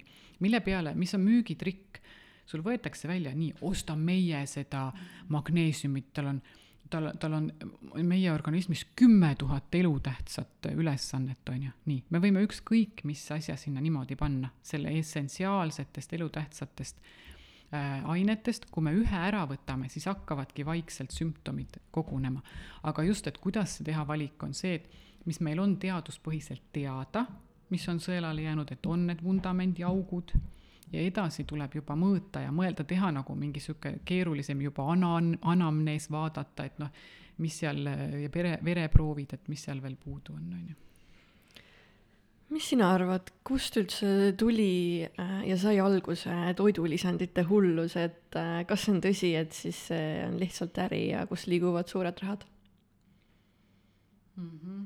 No ainus. sest varem meil ei, ma mäletan, et varem meil ei olnud tegelikult sellist, äh, esiteks selliseid reklaame ja sellist ost-, ostmist nagu ma ei tea, kas see nagu, peaks täitsa seda peaks uurima, aga mul nagu mingi mõte, mis mul tuli, on see, et et ütleme, et kui hakkas, ähm, kui toimus tööstusrevolutsioon tuhande seitsmesaja ajal, algas äh, Inglismaal, et siis hakati, hakati nagu neid riideid äh, tootma tehases ühe, nagu nii-öelda ühesuguste nende noh, standardnumbrid, eks ole, nagu meil täna on siin L ja S ja M ja ja, ja varem ju tegid rätsepad inimestele ja siis kõikidele noh, tehti vastavalt nende kehale, aga siis hakkasid ja siis hakkas see võistlemine, et mm. vaata, näed, mina, mina saan omale osta sealt poest, aga sina ei saa, eks ole, sina oled kogukam, on ju nii, ja siis hakkas nagu see, see keha, keha nii-öelda see, ütleme, dieedikultuur sai sealt alguse. et üks asi on see, et ülekaalu alla saada, aga teine suund oli ka see tervislikkuse poole nii-öelda et noh, meil on see ju see surmahirm on inimesel, eks, ma ei taha ju ära surra, haigeks jääda, see tähendab seda, et ma pean ju tervislik olema, on ju, nii. Ja siis tekib see hasart, et appi-appi, et mm. kuidas siis ikkagi elada, on ju, igavesti ja ja ma arvan, et see on, see on nagu sealt niimoodi, see on see tõuge, eks ole, aga ma ei tea jah, kust, kuidas see nagu niimoodi täpsemalt alguse sai eks see on jällegi see ka, et mida sa ise ligi tõmbad, sest ma tean isegi nii mõndagi inimest, kes ongi nii kramplikult selle tervise küljes kinni, et nii paaniliselt kardavad kõike ja ongi see, et lõpuks selle kartmisega ju sa ise tõmbad seda ligi. Et ähm, kas meile on siis ütleme, selliseid lausa ohtlikke toidulisandeid ka kättesaadavad, mida me võiksime teada, et mida me peaksime jälgima pakenditel, mida kindlasti vältida, kas selliseid asju on üldse müügil? Mhm. noh, ikka saab osta muidugi Ameerikast. iHerb on meil selline, kus saab kõike tellida. Eestis üldiselt ma ei ole, ma olen vaadanud nagu kõik need äh, nii-öelda apteegid ja need äh, loodustooted, poed läbi, et seal nagu ma ei ole näinud ühtegi, kus oleks nagu kordades rohkem toimeainet sees, mis hakkab noh, mingi, mingi aja möödudes tekitama, aga me saame tellida iHerbist ja mida ka meil siin paljud äh, tervise nii-öelda mm, erinevad terapeudid soovitavad, on ju. Me saame näiteks tellida sealt noh, melatoniini, me saame näiteks neurotransmittereid tellida, kaabat, on ju, mis on sellised keerulised äh, ained, mida keha tegelikult ise toodab ja mis, mis võivad seda ajutööd ja närvisüsteemi, eks ole, sul viia täiesti äh, Äh, täitsa nagu balansist välja. ühest küljest jah, et kui sul neid nüüd puudus on selle, selles osas, et ja siis kirjutatakse, et noh, et võta, võta palju melatoniini, sa saad magada, eks ole, või, või seda nii-öelda tuju tõstmist, et ähm, et on depressioon, ikkagi meeleolulangused, et võta ja inimesed tellivad ja sellega võib omal ikkagi selle ajukeemia täiesti ära rikkuda. aga Ameerikas oli üks selline täitsa ametlik näide, et inimestel hakkasid mingil hetkel nagu mm, sellised äh, sümptomid, et keha, naha peale tulid sellised lõhed, haavandid ja seal oli veel mingisuguseid jubedaid sümptomeid ja teadlased hakkasid uurima, tulid nagu noh, USA erinevatest kohtadest need inimesed ja lõpuks ma ei tea, kuidas nad siis avastasid, et need inimesed olid võtnud kõik ühte, see ühte kindlat L-trüptofaani lisandit, no sihuke toidulisand, mis ma isegi tegelikult praegu ei mäleta, mida ta teeb. Aga see lisand konkreetne oli toodetud niimoodi mingisuguse pärmifermentatsiooni käigus ja seal on need bak-, bakterid, eks ole, siis toodavad seal seda värki, aga bakterid olid tootnud ka mingisugust mürki sinna sisse, mida see tootja ei, ei osanud mille peale tulla, ta ei teadnud, eks. nii, ja, ja noh, selline asi näiteks ja, ja, ja see noh, me võime niimoodi saada, eks ole, toodetakse meile igasuguseid asju. et noh, selliseid juhtumeid on maailmas no just tegelikult, kui palju meist, vaadata ka enda otsa, päriselt ka sügavalt uurivad, kus, kuidas see toodetud on, kuidas see on meieni jõudnud. me oleme hästi palju rääkinud ka sellest kiirest ühi-, ühi-, ühiskonnast, et vaatad, just, et vaatad, et üks soovitus, hea hind, davai, läheb, lähme koju, võtame, et tegelikult seda süvenemist on jube vähe. on küll, jah aa ah, ja üks asi, ma tahtsin lisada, vaata, kui äh, reklaamitakse, et või keegi tuttav räägib, et see toode, see D-vitamiin tõstis mul nii kiiresti mu ver-, taset veres. Mm.. vot see on juba natuke kahtlane, siis seal peab olema toin-, toimeainet tegelikult kordades rohkem, kui ta tõstab väga kiiresti. Mm. -hmm ma olen ka kuulnud, et igasugused kapslid on raskesti seeditavad ja ei tee maale head, et kas on siis nii, et mida rohkem õli baasil ja vedelamad nad on, seda parem mm? -hmm siin oleneb nüüd sellest kapslimaterjalist, vaata paljud juba täna panevad sihukest looduslikku, looduslikku ja, ja hästi imenduvat ümbrist sinna, et vaata probiootikumidel, nema-, nendel on meil vaja, et nad läheksid soolestikku, on ju aga teised on noh, ütleme seleen ja magneesium ja need asjad, need on nagu toitained, noh, põhimõtteliselt sama, eks ja, ja äh, nendel ei ole vaja, et see kapsel ka säiliks nii kaua aega, et ta peabki ära lagunema kiiresti ja, ja vedel ja et mõnedel on nüüd, seal jälle oleneb hästi spetsiifiliselt, mis räägitakse. nii, räägitakse seda, et, et võta ikka vedeliku kujul, et siis ta imendub paremini. aga nüüd on mõningad tooted mis, mida ei saa lihtsalt vedelal kujul üldse, nagu see Q10 ütleme ja, ja nagu, nagu K-vitamiin tegelikult, mis on hästi raskesti üldse sellisel noh, et, et ta toota, et ta kuidagi pärast imenduks ka.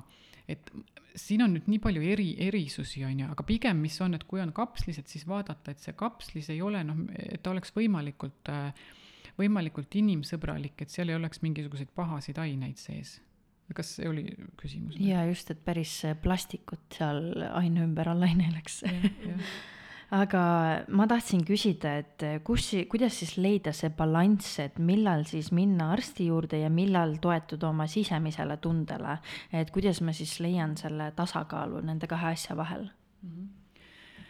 -hmm. ma olen ise käinud selles osas mingi huvitava tee läbi, et, et ähm, kui mu teine laps sündis, siis peale seda mul hakkasid igasugused sümptomid tekkima, lihtsalt mul olid niimoodi, et käed-jalad surid ära, on ju, seedimine oli täiesti korrast ära. ja, ja, ja siis ma sattusin sellest nii paanikasse, mida ma praegu näen nii paljude inimeste puhul, on ju. noh, sul on veel väike laps ka, sa ei taha ju ära surra, on ju. et ja siis oligi, siis ma sattusin, ma käisin arstide vahet loomulikult, on ju Äh, sattusin ka neuroloogi juurde, kes pani kohe mulle seal diagnoosiks, on ju, mingi väga paha haiguse, saatis MRT-sse, mida muidugi ei olnud, midagi välja ei tulnud, on ju, aga ma olin nii paanikas, nii. Äh, siis inimene jookseb, kui ta on nii paanikas, tal ei ole seda toetajat võib-olla, kes sulle ütleks, kes sind rahustaks, kes tooks maa peale, vaatame nüüd rahulikult, on ju. Et noh, mis võiks tegelikult olla, on ju, noh, arst võiks näha seda tegelikult. Et kui mina oma praktikas näen, äh, noh, minu juurde muidugi mina alati küsin, kas, kas sa oled arsti juures käinud, kas sul on kõik testid tehtud, nii, ja siis minul on muidugi seda kergem, on ju, et teda rahustada, nii, vot näed, sul ei ole praegu, sul ei ole diagnoosi, super aeg hakata endaga tegelema, nii, hästi rahuneme maha, võtame täiesti chill'ilt, teeme otsuse, nüüd on tervenemise suunas ainult see elu. Vot selles mõttes jälle mingil hetkel on vaja, noh, kust leida see kesktee, et äh, mingeid teste peab arsti juures tegema. nii, see on nii keeruline koht tegelikult. inimesel näiteks võib täiesti kõht valutab iga päev, tal on äh, gaasid, tal on äh, mingid imelikud äh, sümptomid, on ju. et ta peaks käima võib-olla testimas, aga samas mitte jääma, eks ole, sinna sinna arstide vahet, et iga asja pärast EMO-sse minna või kogu aeg helistada, et mingil hetkel, kui sul on mingid testid tehtud, siis tuleb hakata edasi lahendust otsima. sest noh mm,, hästi keeruline koht on see tegelikult, aga just täitsa hästi suut-, siis nii hea, kui on keegi toetaja või sa saad minna mingisuguse terapeudi juurde, kes nüüd, kui sul on arsti juures käidud ja välistatud asjad, kes toob sind, sulle rahu kahe jalaga maa peale ja hakkab nagu tervenemisele suunama just, ma tahtsingi küsida, et noh, sa vastasid ka sellele, et mida siis teha, kuidas saavutada oma tervise ja sümptomite osas rahu, et ma olen ise ka seda kogenud, et kui sul mingi muutus toimub, siis tegelikult su esimene reaktsioon üldiselt on guugeldada. aga kui sa guugeldad, siis need esimesed kolm vastust on seal, sul on vähk, sul on kasvaja, sa sured kohe ära, tee matused juba ära, et, et jah, et kuidas, kuidas siis leida see nagu rahu, et sa ei sure kohe ära ja kõik on tegelikult hästi mm. -hmm. jaa et noh, ongi, et, et äh, sa vaatad natuke ringi, et noh, et okei okay,, korralda matused kohe ära, on ju, ja siis tegelikult sellest saab järeldada, et sa ei ole ainuke. põhimõtteliselt kõik inimesed mõtlevad niimoodi, on ju, ja meil on kõigil kuidagi see surmahirm millegipärast sees, eks. ja, ja noh, ongi, siis, ja siis tuleb hakata tegelema selle vaimse poolega väga tugevalt ja lihtsalt ise tuleb otsus teha, et nüüd peavad hakkama asjad paranema ja nad hakkavad kusjuures alateadlikult kuidagi et sa kutsud või noh, sa lood, on ju, kui me oleme juba jõudnud natuke edasi, siis sa tead juba teadlikult, et sa loodki seda, on ju, et asjad hakkavad paranema, on ju.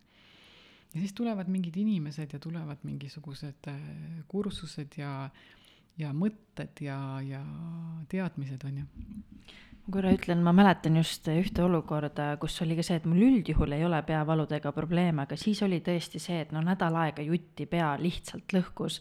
ja üldiselt ma ei ole selline guugeldaja, aga ma mõtlesin, et no okei okay,, et ma natukene uurin. Ja reaalselt esimene valik oligi see, et sa peaksid mõtlema sellele, et sul on ajukasvaja ja ma mõtlesin, no mida perset nagu, et nagu ma guugeldan, miks mul on peavalud ja siis ma saan omale diagnoosi, et see on, see on ka vahva, kuhu sa nagu jõuda võid jah, see on, me tervisekoolis elasime ja ennem seda elasime kõik need erinevad haigused läbi, on ju. et ähm, ja sellel hetkel on vaja jah, et keegi keegi võib-olla toetaks, kui inimene ise ja sellel hetkel justkui sul on see paanika, sa ei, sa ei pruugi lihtsalt ise näha, et kuhu, kus see la-, nagu see lahenduse poole see tee ots on, on ju. sa ennem äh, nagu natuke kirjeldasid ka seda, et keha annab sulle hästi palju märku sellest, kui midagi toimub, on ju, sisemiselt. et äh, kuidas on omavahel seotud sisemine rahu ja tervislik seisund? no minul end-, kui ma endast räägin, siis minul need oksendamistega migreenid olid umbes kolmkümmend kuus, kolmkümmend seitse, kui ma olin. siis hakkasid ära minema, et selleks ajaks ma olin juba kõvasti teraapiat teinud ja, ja ennast arendanud nagu vaimses plaanis et äh, praegu nagu põhimõtteliselt ei ole enam neid. mul on endal näiteks äh, hästi tugev BMS, millega ma veel tegelen, veel eelmine kuu veel oli, äh, iga, iga kuu on uus, eks ole, siis loon muudkui ja loon ja loon, et et sellega on veel vaja tegeleda, et ja, ja minul on näiteks niimoodi, et kui mul ütleme, mingisuguse teemaga no tead, nagu me teame, eks ole, need kõik need teemad ja siuksed, ütleme, raskemad hetked elust tulevad, saadetakse meile, on ju, õppetundideks, eks. me õpime sealt alati midagi ja mina olen nagu väga seda meelt ja mulle see meeldib. aga mõnikord ma ka arvan, et ma nagu jään liiga kauaks nendesse õppetundidesse kannatama, mis lõpuks muutub kannatuseks, sellepärast et mingil hetkel sa pead valima midagi muud või asja ära lõpetama, on ju no kui sul on õppetund õpitud, sa juba tead, mis see on, eks ole. ja mina kaldun jääma sinna niimoodi, noh, kannatust nautima, eks ole. no ma arvan, see on ka üsna inimlik meile. ja, ja siis mul hakkavad, siis mul läheb ikkagi kõht täiesti korrast ära äh, ikka väga-väga korrast ära kõhuvalud ja, ja puhitused ja gaasid ja, ja erinevad. ja peavalud ikkagi veidikene tulevad, mitte enam oksendamisega ja siis kui ma ükskord aru saan, mul on nagu noh, iga aastas korra toimub seda, et nüüd on vaja see asi ära lõpetada, see nüüd no täiesti, täiesti kõrini. ja siis ma lõpetan vahest nagu päevapealt mingisuguse asja ära.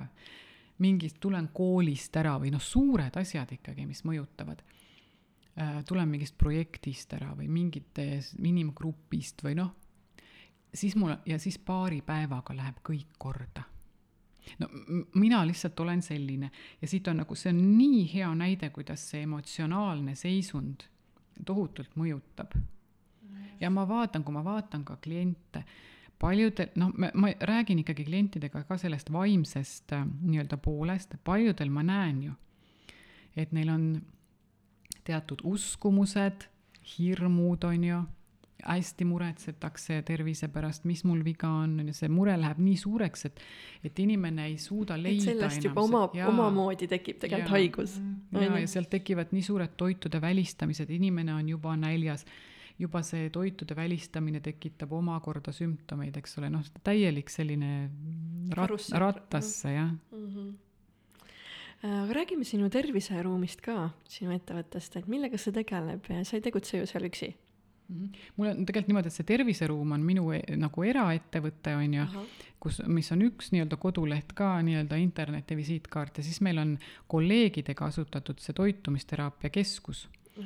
et kus meil on kuus kolleegi koos ja, ja kus me siis nii-öelda üritame sellise või noh, sellise ühise jõuga lähme, et, et seal on meil mitmed sellised koostööpartnerid, et et siin perearstikeskus ja, ja mõned arstid veel ja, ja kes meid juba teavad, eks ole, meile kliente saada, julgevad saata ja ja et nagu sellist professionaalset äh, nii-öelda teadlikkust äh, ühe, ühesõnaga teavitada endast ja et meie juurde võib neid inimesi saata nii-öelda hakkame kõik saatma aga meil on tegelikult, eh, meil on tegelikult isegi peaaegu vist viimane teema tundub olevat. ja, ja on vist jah, enam-vähem. just, et eh, räägime siin natuke siis eh, toitumisteraapiast ka, me oleme seda küll natuke puudutanud, aga lähme nüüd süvitsi.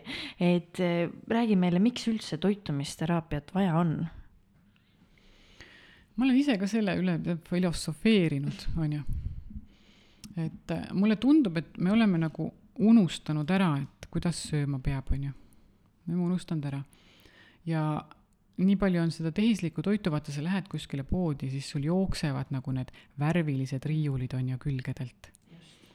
ja inimesed, noh, nad võib-olla, no kes ei mõtle selle peale, nad võtavadki sealt siit seda ja seda, noh, viskavad oma korvi täis, on ju ja, ja, ja siis kujuneb see toitumine niimoodi ebafunktsionaalseks, et me ei saa seda funktsionaalset toitu nii üks suund on kindlasti see, et, et me nii, nagu noh, aitamegi inimesel jälle meelde tuletada, mis asi on toitumine.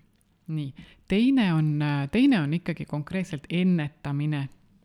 ennetamine, et äh, terve olla, mida me aitame, ja siis ka ikkagi kroonilised haigused, mida me aitame kontrolli all hoida miks seda vaja on. et miks tuleb hoida kroonilisi haigusi kontrolli all, et sa noh, lihtsalt ei ole selle, jah, ma olen nüüd haige, eks ole, nii, aga et sa hakkad tegutsema, sellepärast et nendega hakkavad kaasuma igasugused veel lisasümptomid, on ju, diabeetikutel hakkab nägemine võib ära kaduda, eks ole, neerupuudulikkused, aga neid kaasuvaid nii-öelda sümptomeid on võimalik noh, vähendada nende tekkimisvõimalusi. igasugused autoimmuunsed ähm, protsessid, et hästi tähtis on siis oma tervise eest väga hoolitseda, sest seal hakkavad ka tekkima igasugused kaasuvad sellised haigused. et sellepärast on vaja hoida kontrolli all siis toitumisega väga tugevalt, on ju mina olen ka siin äh, vahepeal ära unustanud selle funktsionaalse toitumise ja ma tundsin, et mu toitumine on läinud väga süsivesikute äh, rohkeks äh, mingil siin viimasel neljal kuul. Ja seega ma tundsin, et tahaks teha ka toidutalumatuse testi, et ma tundsin, et mul on nagu millegi suhtes võib-olla mingi talumatus. Ja ma käisingi siis Triinu juures tegemas seda ja ma küsisin küsikski, et kellele sa seda soovitaksid ja, ja mis on siis need enamlevinumad talumatused mm? -hmm et noh, ma üritasin Elist ka ära rääkida, on ju, et ära tee kohe seda testi. et paneme ennem toitumise paika ja teeme testi siis. sest no test võib näidata nagu erinevat veidi. aga noh, tihti on see on põnev ka, on ju, natukene, et tead. oli küll, jah et on üldiselt mina olen see terapeut, kes üritab klienti ära rääkida. ära kuluta nii palju raha teeme ise rohkem tööd siin on ju, saame odavamalt ja teeme testi pärast, et siis ütleme, kui, kui noh, aasta pärast võib-olla või poole aasta pärast, et vaatame, et kas ta siis nüüd, mis ta nüüd näitab, et natuke selgem võib see test olla.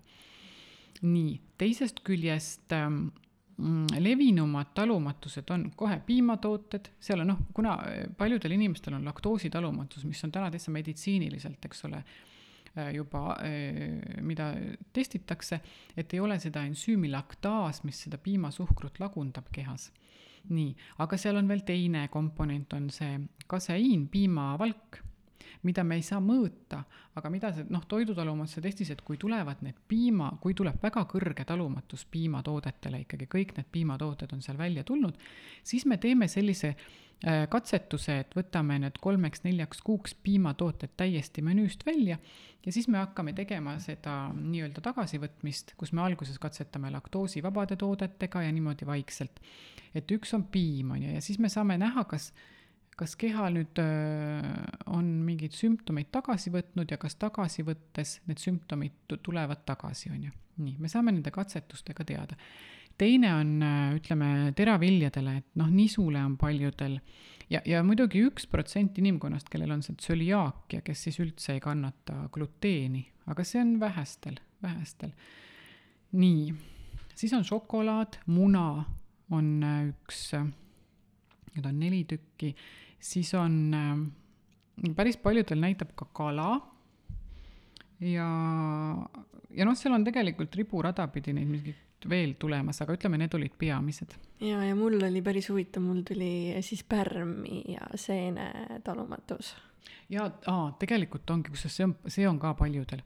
pärmid ja seenelised ja ega me täpselt seda ei tea. noh, meie tänapäeva toit võib-olla on selline, et ütleme, selliste pärmilised ja seenelised armastavad ju suhkrut, on ju. et võib-olla on sellepärast inimestel ta näitab seda rohkem ja leivad ja saiad, eks ole, kõik pärmiga tehtud ja noh, millegipärast näitab seda tundlikkust, siis ikkagi inimesed teevad selle katsetuse ära. on seal, ütleme, neli kuud pärmide ja, ja seente vabad ja siis äh, vaatame, kas see soolestik võib-olla, kui ta on natukene, ütleme, soolestik on läbilaskev või on väike düsbioos, et tihti need, need, need eliminatsioonidieedid aitavad sellel soolestikul maha rahuneda ja pärast saab kenasti need toiduained kõik tagasi võtta kas siis see talumatuse test või noh, see talumatus inimesel on siis ajas muutuv, et mina ise tegelikult arvasin, et ma teen selle ühe korra selle talumatuse testi ära ja võib-olla mingi, siis kui olen mingi viiekümnendani teen uuesti, et ma ütlesin kaks korda äkki elus. Mm.. et eriti hästi tuleb välja väikestel lastel, et äh, tuleb välja mingi talumatus, ema on hästi tubli, välistab selle mingi ühe või kaks toiduainet ja tehakse uuesti aasta pärast test ja see enam ei näita midagi ja ka sümptomid kaovad, just väikestel on, paljud tekivad siukseid nahaärritusi, ütleme, ja et kuidagi väikestel lastele aitab see, see test, testi tulemus paremini et täiskasvanul võib olla juba seal, eks ole, mikrobiotas on ju tasakaalutus, et need head ja halvad bakterid on tasa, nende suhe on tasakaalust väljas, on selline düsbioos kõhus nimetatakse. et seal noh, seal, aga noh, millega me seda ravime ikkagi või toetame me ei ravi, eks ole, toitumisteraapias, aga me toetame selle, ütleme niimoodi, selle toitumisteraapiaga ja me taastame seda mikrobiotat, on ju, anname headele bakteribeebidele süüa, et nad ei nutaks ja ära ei sureks kõhus ja, ja siis äh, pikapeale selle, noh, lihtsalt tervisliku toiduga saab seda taastada, seda räägib ka Kaarel Adamberg, kes TTÜ-s uurib just seda mikrobiotat, seda düsbioosi, neid bakterite olukordasid inimese kõhus, et tema räägib ka, et tegelikult, mis testid tema on teinud, et kõige paremini taastab see korralik jõudainete rikas toit ja fermenteeritud äh, toiduained mis on üldse kõige suuremad müüdid toitumise juures, mida sa võib-olla kohe praegu oskaksid ümber lükata, sa võib-olla võid mõne näite tuua, kõike siin ei pea ette lugema. Ma mäletan, ma kunagi isegi vaatasin, oli tehtud mingi täisseriaal toitumismüütidest ja iga osa oli siis see, kuidas see müüt nagu ümber lükati. -hmm, ja no mi-, mis mul tuleb kõigepealt pähe, on see, et ter-, tervislik toitumine on kallis, ma ei saa seda omale lubada. Nii, see on, no see on, mida ma kõige rohkem kohtan ja, ja mm, no tegelikult, kui me hakkame ikkagi seda eelarvet üle vaatama, ma võin kihla vedada, teate, et ei ole tegelikult kallis, sest tegelikult see on lihtne, puhas toit, et meil e, ega tervislik toit ei tähenda seda, et ma pean nüüd hakkama ostma väga kalleid taimseid piimasid ja kõike ökopoest, eks ole, kus on palju kallim osta ja ei, see ei ole see, et selle müüdi ma lükkaks kindlasti ümber. Nii, mis meil siis veel on? et aa, et tervislik toitumine on keeruline. ma ei saa ju, ma ei saa ju hakata endale ise süüa tegema. noh aga täitsa ausalt, selle arvamusel olin mina ka, et kui ma sõin valimatult kõike, siis kui keegi ütles, et toitu tervislikult, siis see tundus olevat nagu mingi geim mu jaoks, et okei okay,, mida, kus, kui palju ta, ta-ta-ta-ta-ta-ta ja siis tunduski lihtsam lihtsalt, et sa võtad selle asja ja sööd ära, et äh, isegi olen selle puntras olnud. et noh, tegelikult, et sealt tuleb lihtsalt üle läve astuda Eh, ja seda ma ka õpetan, et just võtamegi kliendiga läbi, et mismoodi teha, ma ise olen selline, kes tahab hästi lihtsaid toite teha. Mina ei viitsi ühtegi äh, keerulist retsepti teha. Minul ei ole selleks aega, aga samal ajal ma näen, et täiesti on võimalik teha lihtsaid toite ma just proovisin Triinu antud äh, läätse karripada eile. et tegin täpselt retsepti järgi, käisin poes tuulamas igasuguseid erinevaid, ma ostsin mitu, mitu, mitmeks äh, nädalaks ette, need saaksin ise leibu teha ja värke-särke ostsin mingeid jahusid ja seemneid ja päris huvitav oli. Väga lahe aga mm, jah, võib-olla üldiselt maini seda ka, et mis on need suurimad vead toitumides, toitumises, mida sa näed praegu, et inimesed teevad siuksed lihtsad vead, mida on väga kerge parandada ka, et mis sul nagu meelde tuleb?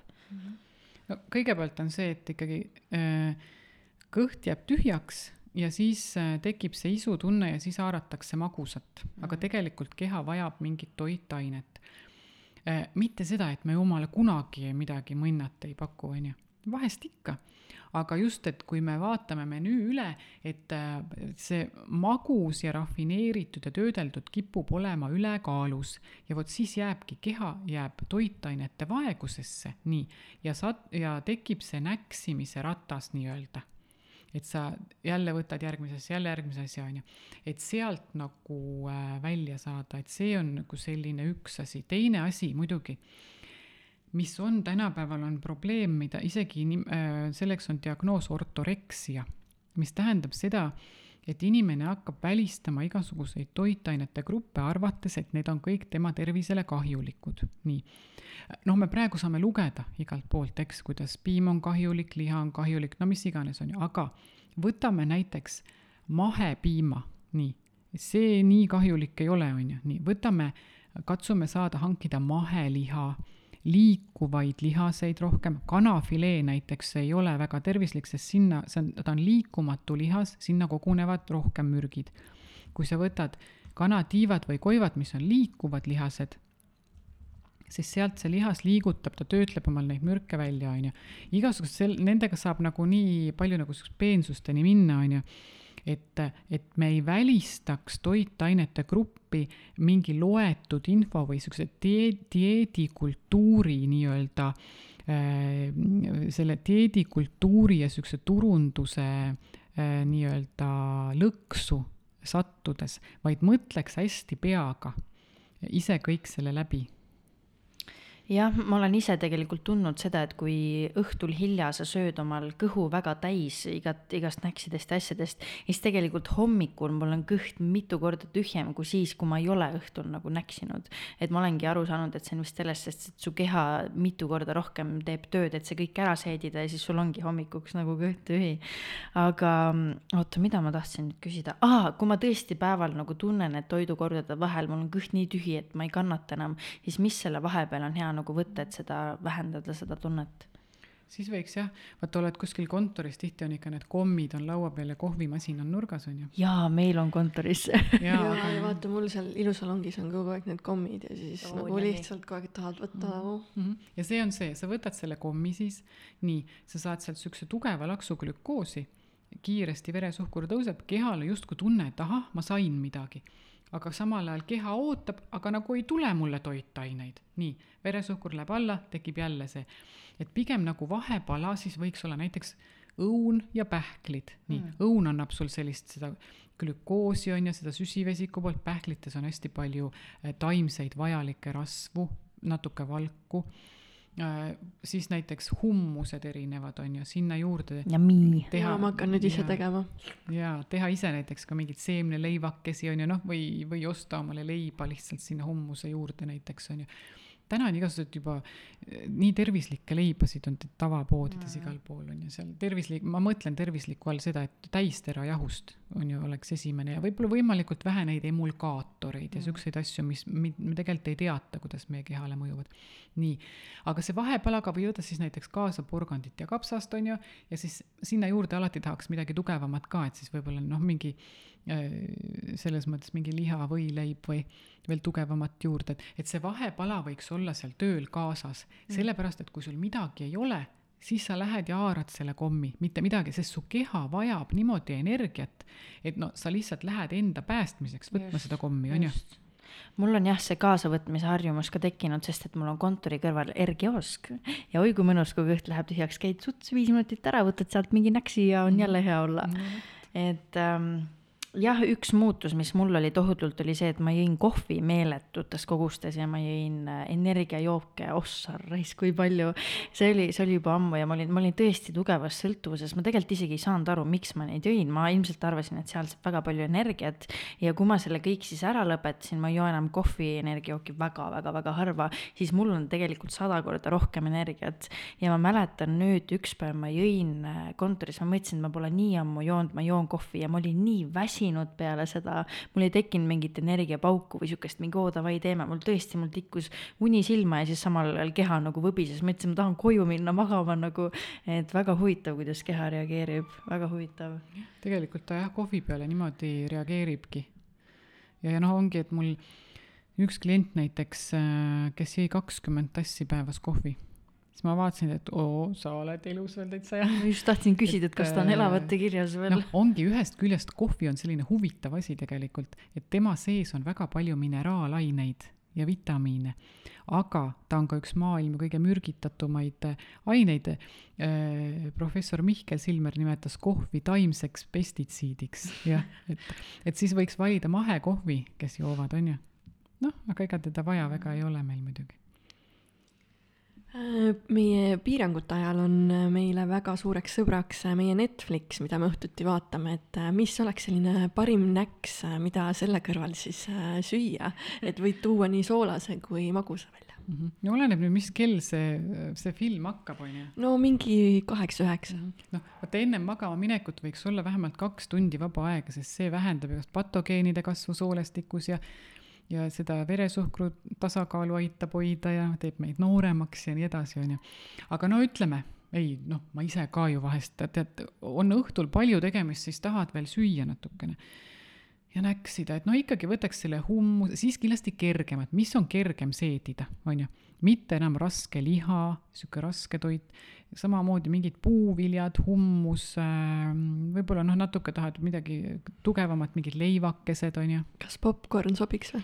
vot popkorn on selline, et ta, ta tõstab veresuhkrut väga kiiresti ja ega tal neid toitaineid väga palju ei ole, aga kui tahad midagi magusat, no oleneb nüüd jah, et kuidas keegi viitsib, on ju, noh ise teha mingisugust kooki, on ju, mis, kus sa tead, et sa paned oma tervislikud asjad mingi porgandikooki või paned sinna noh, palju porgandit ja tervislikku jahu ja see tuleb ka magus, seda saab ka magusa teha ja et võib-olla niimoodi valida, et noh, see oleks niisugune tervislik vaatenurk, aga ma ütlen, et mõnikord, et see ei ole niimoodi, et me oma elus nüüd, vot see on just see, et see, see need, see, need dieedilõksud, et me ei tohi midagi süüa, me peame hirmus tervislikud olema, me peame võtma seda chill'ilt ja sa vaatadki, et kui sa nüüd üks kord nädalas vaatad mingit head filmi, tahad sõpradega seal midagi näksida, siis sa lubadki endale seda sest kui sa ülejäänud aja noh, sööd enam-vähem tervislikult on ju, sul on ja sa tead neid põhimõtteid on ju, siis äh, su keha saab sellega hakkama.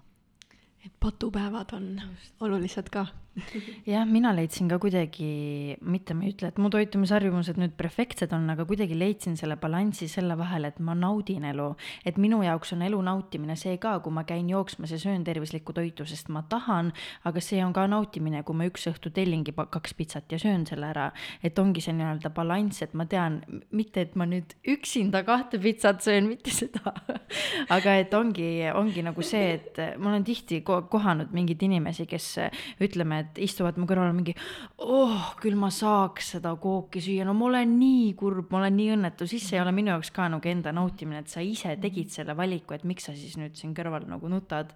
et, et väga hästi nagu välja toodud see balanss aga meil vist natuke on veel jäänud, et mida sina üldse pead rämpstoiduks, kas võib olla nii, et mis ühe jaoks on täielik rämps, on teine, teise jaoks äh, okei okay.? No mina pean rämpstoiduks, ütleme kartulikrõpsud, friikartulid, hästi frititud asjad, ütleme mingid nagitsad ja noh, põhimõtteliselt ikkagi, mis meil seal Hesburgeris ja McDonaldsis müüakse.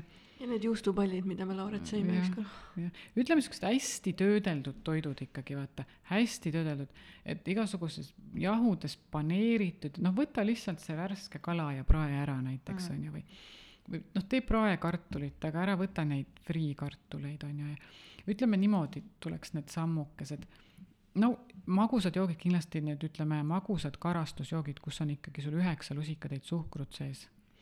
Äh, kummikommid kindlasti need, ütleme, välismaa omad, kus on äh, värvained, asjad sees on ju. siis äh, võib-olla noh, šokolaad selles mõttes, et natuke pakendi pealt vaadata, siis mõnes šokolaadis on nagu väga palju suhkrut. Et pigem siis võtta sihuke seitsme, seitsekümmend protsenti alates on ju seal on ka tume šokolaad pähklitega Kalevil näiteks täitsa hea on. kas see on seal kirjas siis see seitsekümmend protsenti või kuidas seda no, nagu jah, muidu seal nimi on, et seitsmekümne protsendine on ju mm., aga sealt võib ka vaadata tegelikult, pöörata ta teistpidi ja vaadata seda toitumisalast infot.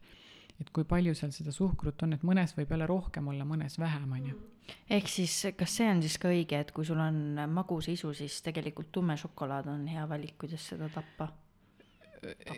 jah, noh, selles mõttes, et, et magusa isu, noh, seal on jah, et sul keha vajab seda glükoosi, et energiat toota, on ju, aga võib-olla mõni, mingi banaan, natuke kuivatatud puuvilju, šokolaad on ka väga hea, ta on hästi toitev. Ma ei, ma ei mäleta, kust ma kuulsin, äh, oli ka üks, et kui sul on magusa isu, siis söö lihtsalt üks viil ära kuiva musta leiba. Ja ma proovisin seda, mul läks süda pahaks, sest mul oli nii suur magusisu ja siis ma sõin seda kuiva mõrutat leiba, mõtlesin, et no mitte kunagi enam nagu okei okay,, aga me olemegi lõpusirgel tegelikult äh,.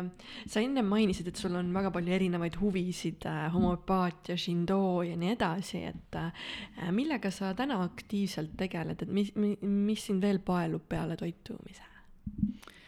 no mu täiega, mu kirg on aiatöö, on ju üldse taimede kasvatamine ja sest mul on, mul on õnneks on, ma elan natuke linnast väljas ja meil on sihuke äh, krunt, kus mul on kasvuhoone, on ju siis ma praegu kasvatan seal, mul on need redised ja siis on hernepealseid, ma kasvatan salatisse ja siis ma saan kahesaja meetri kaugusel, mul on sihuke kraav läbi metsa tuleb minna, kus mul kasvab naati hästi palju, siis ma praegu korjan seda sealt ja, ja kõik mu puud ja põõsad ja lõikan neid ja porgandid panen maha ja kõik see on mul mm,. väga suur hitt on praegu ju karulauk ka, mille, mm. millest kõik räägivad ja et see ka ju täielik immuunsuse tõstja ja mm..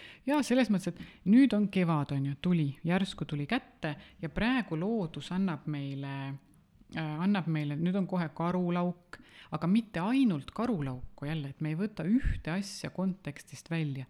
Võtame juurde naati, võilillelehti, võililleõisi, äh, kuusevõrseid, männivõrseid, on ju, Äh, see, mm, mis meil nüüd veel kasvab seal, nõgesed siis on see üks lill, ma ei saa seda sõna öelda, mille lehtedes on palju C-vitamiini, kindlasti kõik tunnevad ära, on ju. et korja neid kõiki ja pane salatisse praegu, sest see on, ütleme siin mingi kaks kuud, on ju. siis kasvab juba suur hein peale ja siis me hakkame saama nii-öelda peenra pealt, noh, meie enda kasvatatud asju juba turult osta, on ju, või ise korjata et kevad annab meile alguses sellise võimaluse, et ära söö ainult karulauku ja mida ma soovitan, kui sa korjad palju seda karulauku, vaata pane väikeste peotäitega nagu sügavkülma ja saad talvel kõik sinna hummuse sisse panna nagu järjest, et mm. pese ära, pese ära korralikult haki ära, kuivata ära ja siukse peotäite kaupa ja ta ei lähe üldse mingiks siukseks äh, vesiseks või lägaseks.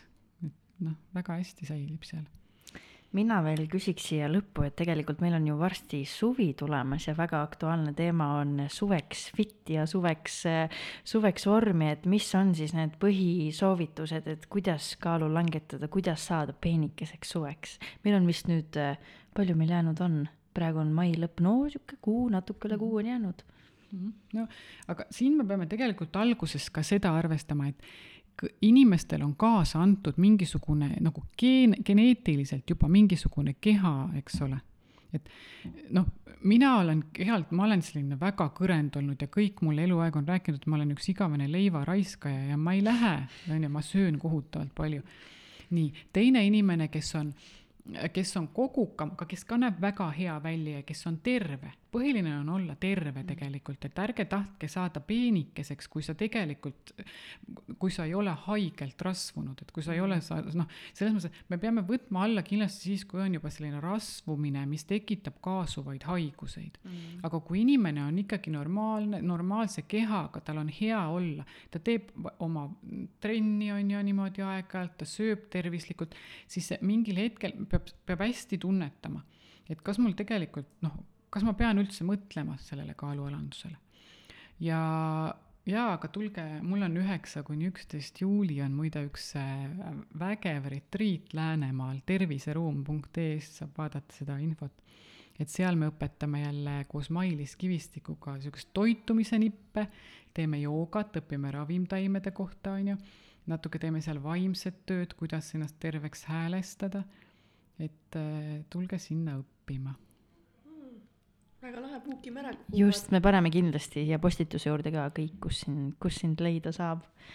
aga on sul võib-olla ise midagi meie kuulajatele lisada, mida me ei küsinud või mida sa kindlasti tahaksid, et kõik teaksid mm? -hmm rääkisin juba nii palju asju, et ise ei mäletagi enam, mis ma siin rääkisin, on ju. no meil on äh, tund pool räägitud ka et aga noh, tegelikult, mis, mida ma märkan, on ikkagi see, ütleme, selline äh, dieedilõksud ja, ja igasugused need kallid detoksid, pulbrite pakkumised ja et ärge ostke neid kalleid asju, ärge minge neid dieeditamisi tegema, teate, ma just vaatasin tegelikult, et Simeonsi dieeti uurisin, et et no viissada kalorit päevas, inimene näljutab ennast ära, keha läheb šokki, äkki ja pärast tuleb see kõik tagasi.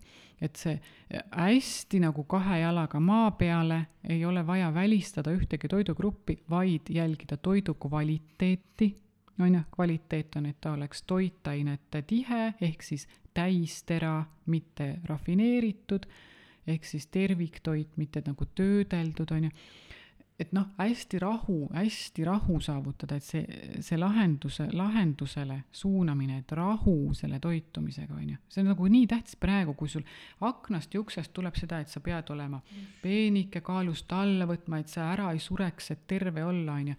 et hästi vabaks lasta see kõik ma arvan, et tänane saade nagu and-, meil on nii palju infot toitumisest ja tänane saade nagu rõhus väga mitmetele kindlatele asjadele, et äh, väga palju selgust tegelikult, äh, ma arvan, see saade andis nagu ja just mulle see meeldis ka, et eh, kui ma sain Eliselt teada, et sa tuled saatesse, siis tegelikult mul peas hakkas nagu miljon küsimust keerlema, sest tegelikult toitumise kohta on nii palju küsida, sama palju küsida, kui meil infot on.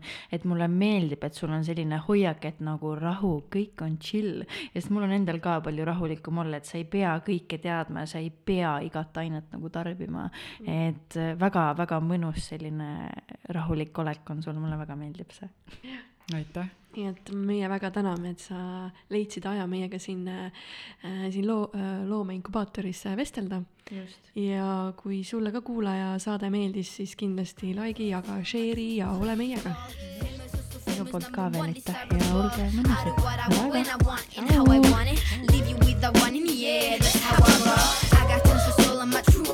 Famous, also famous, number one desirable.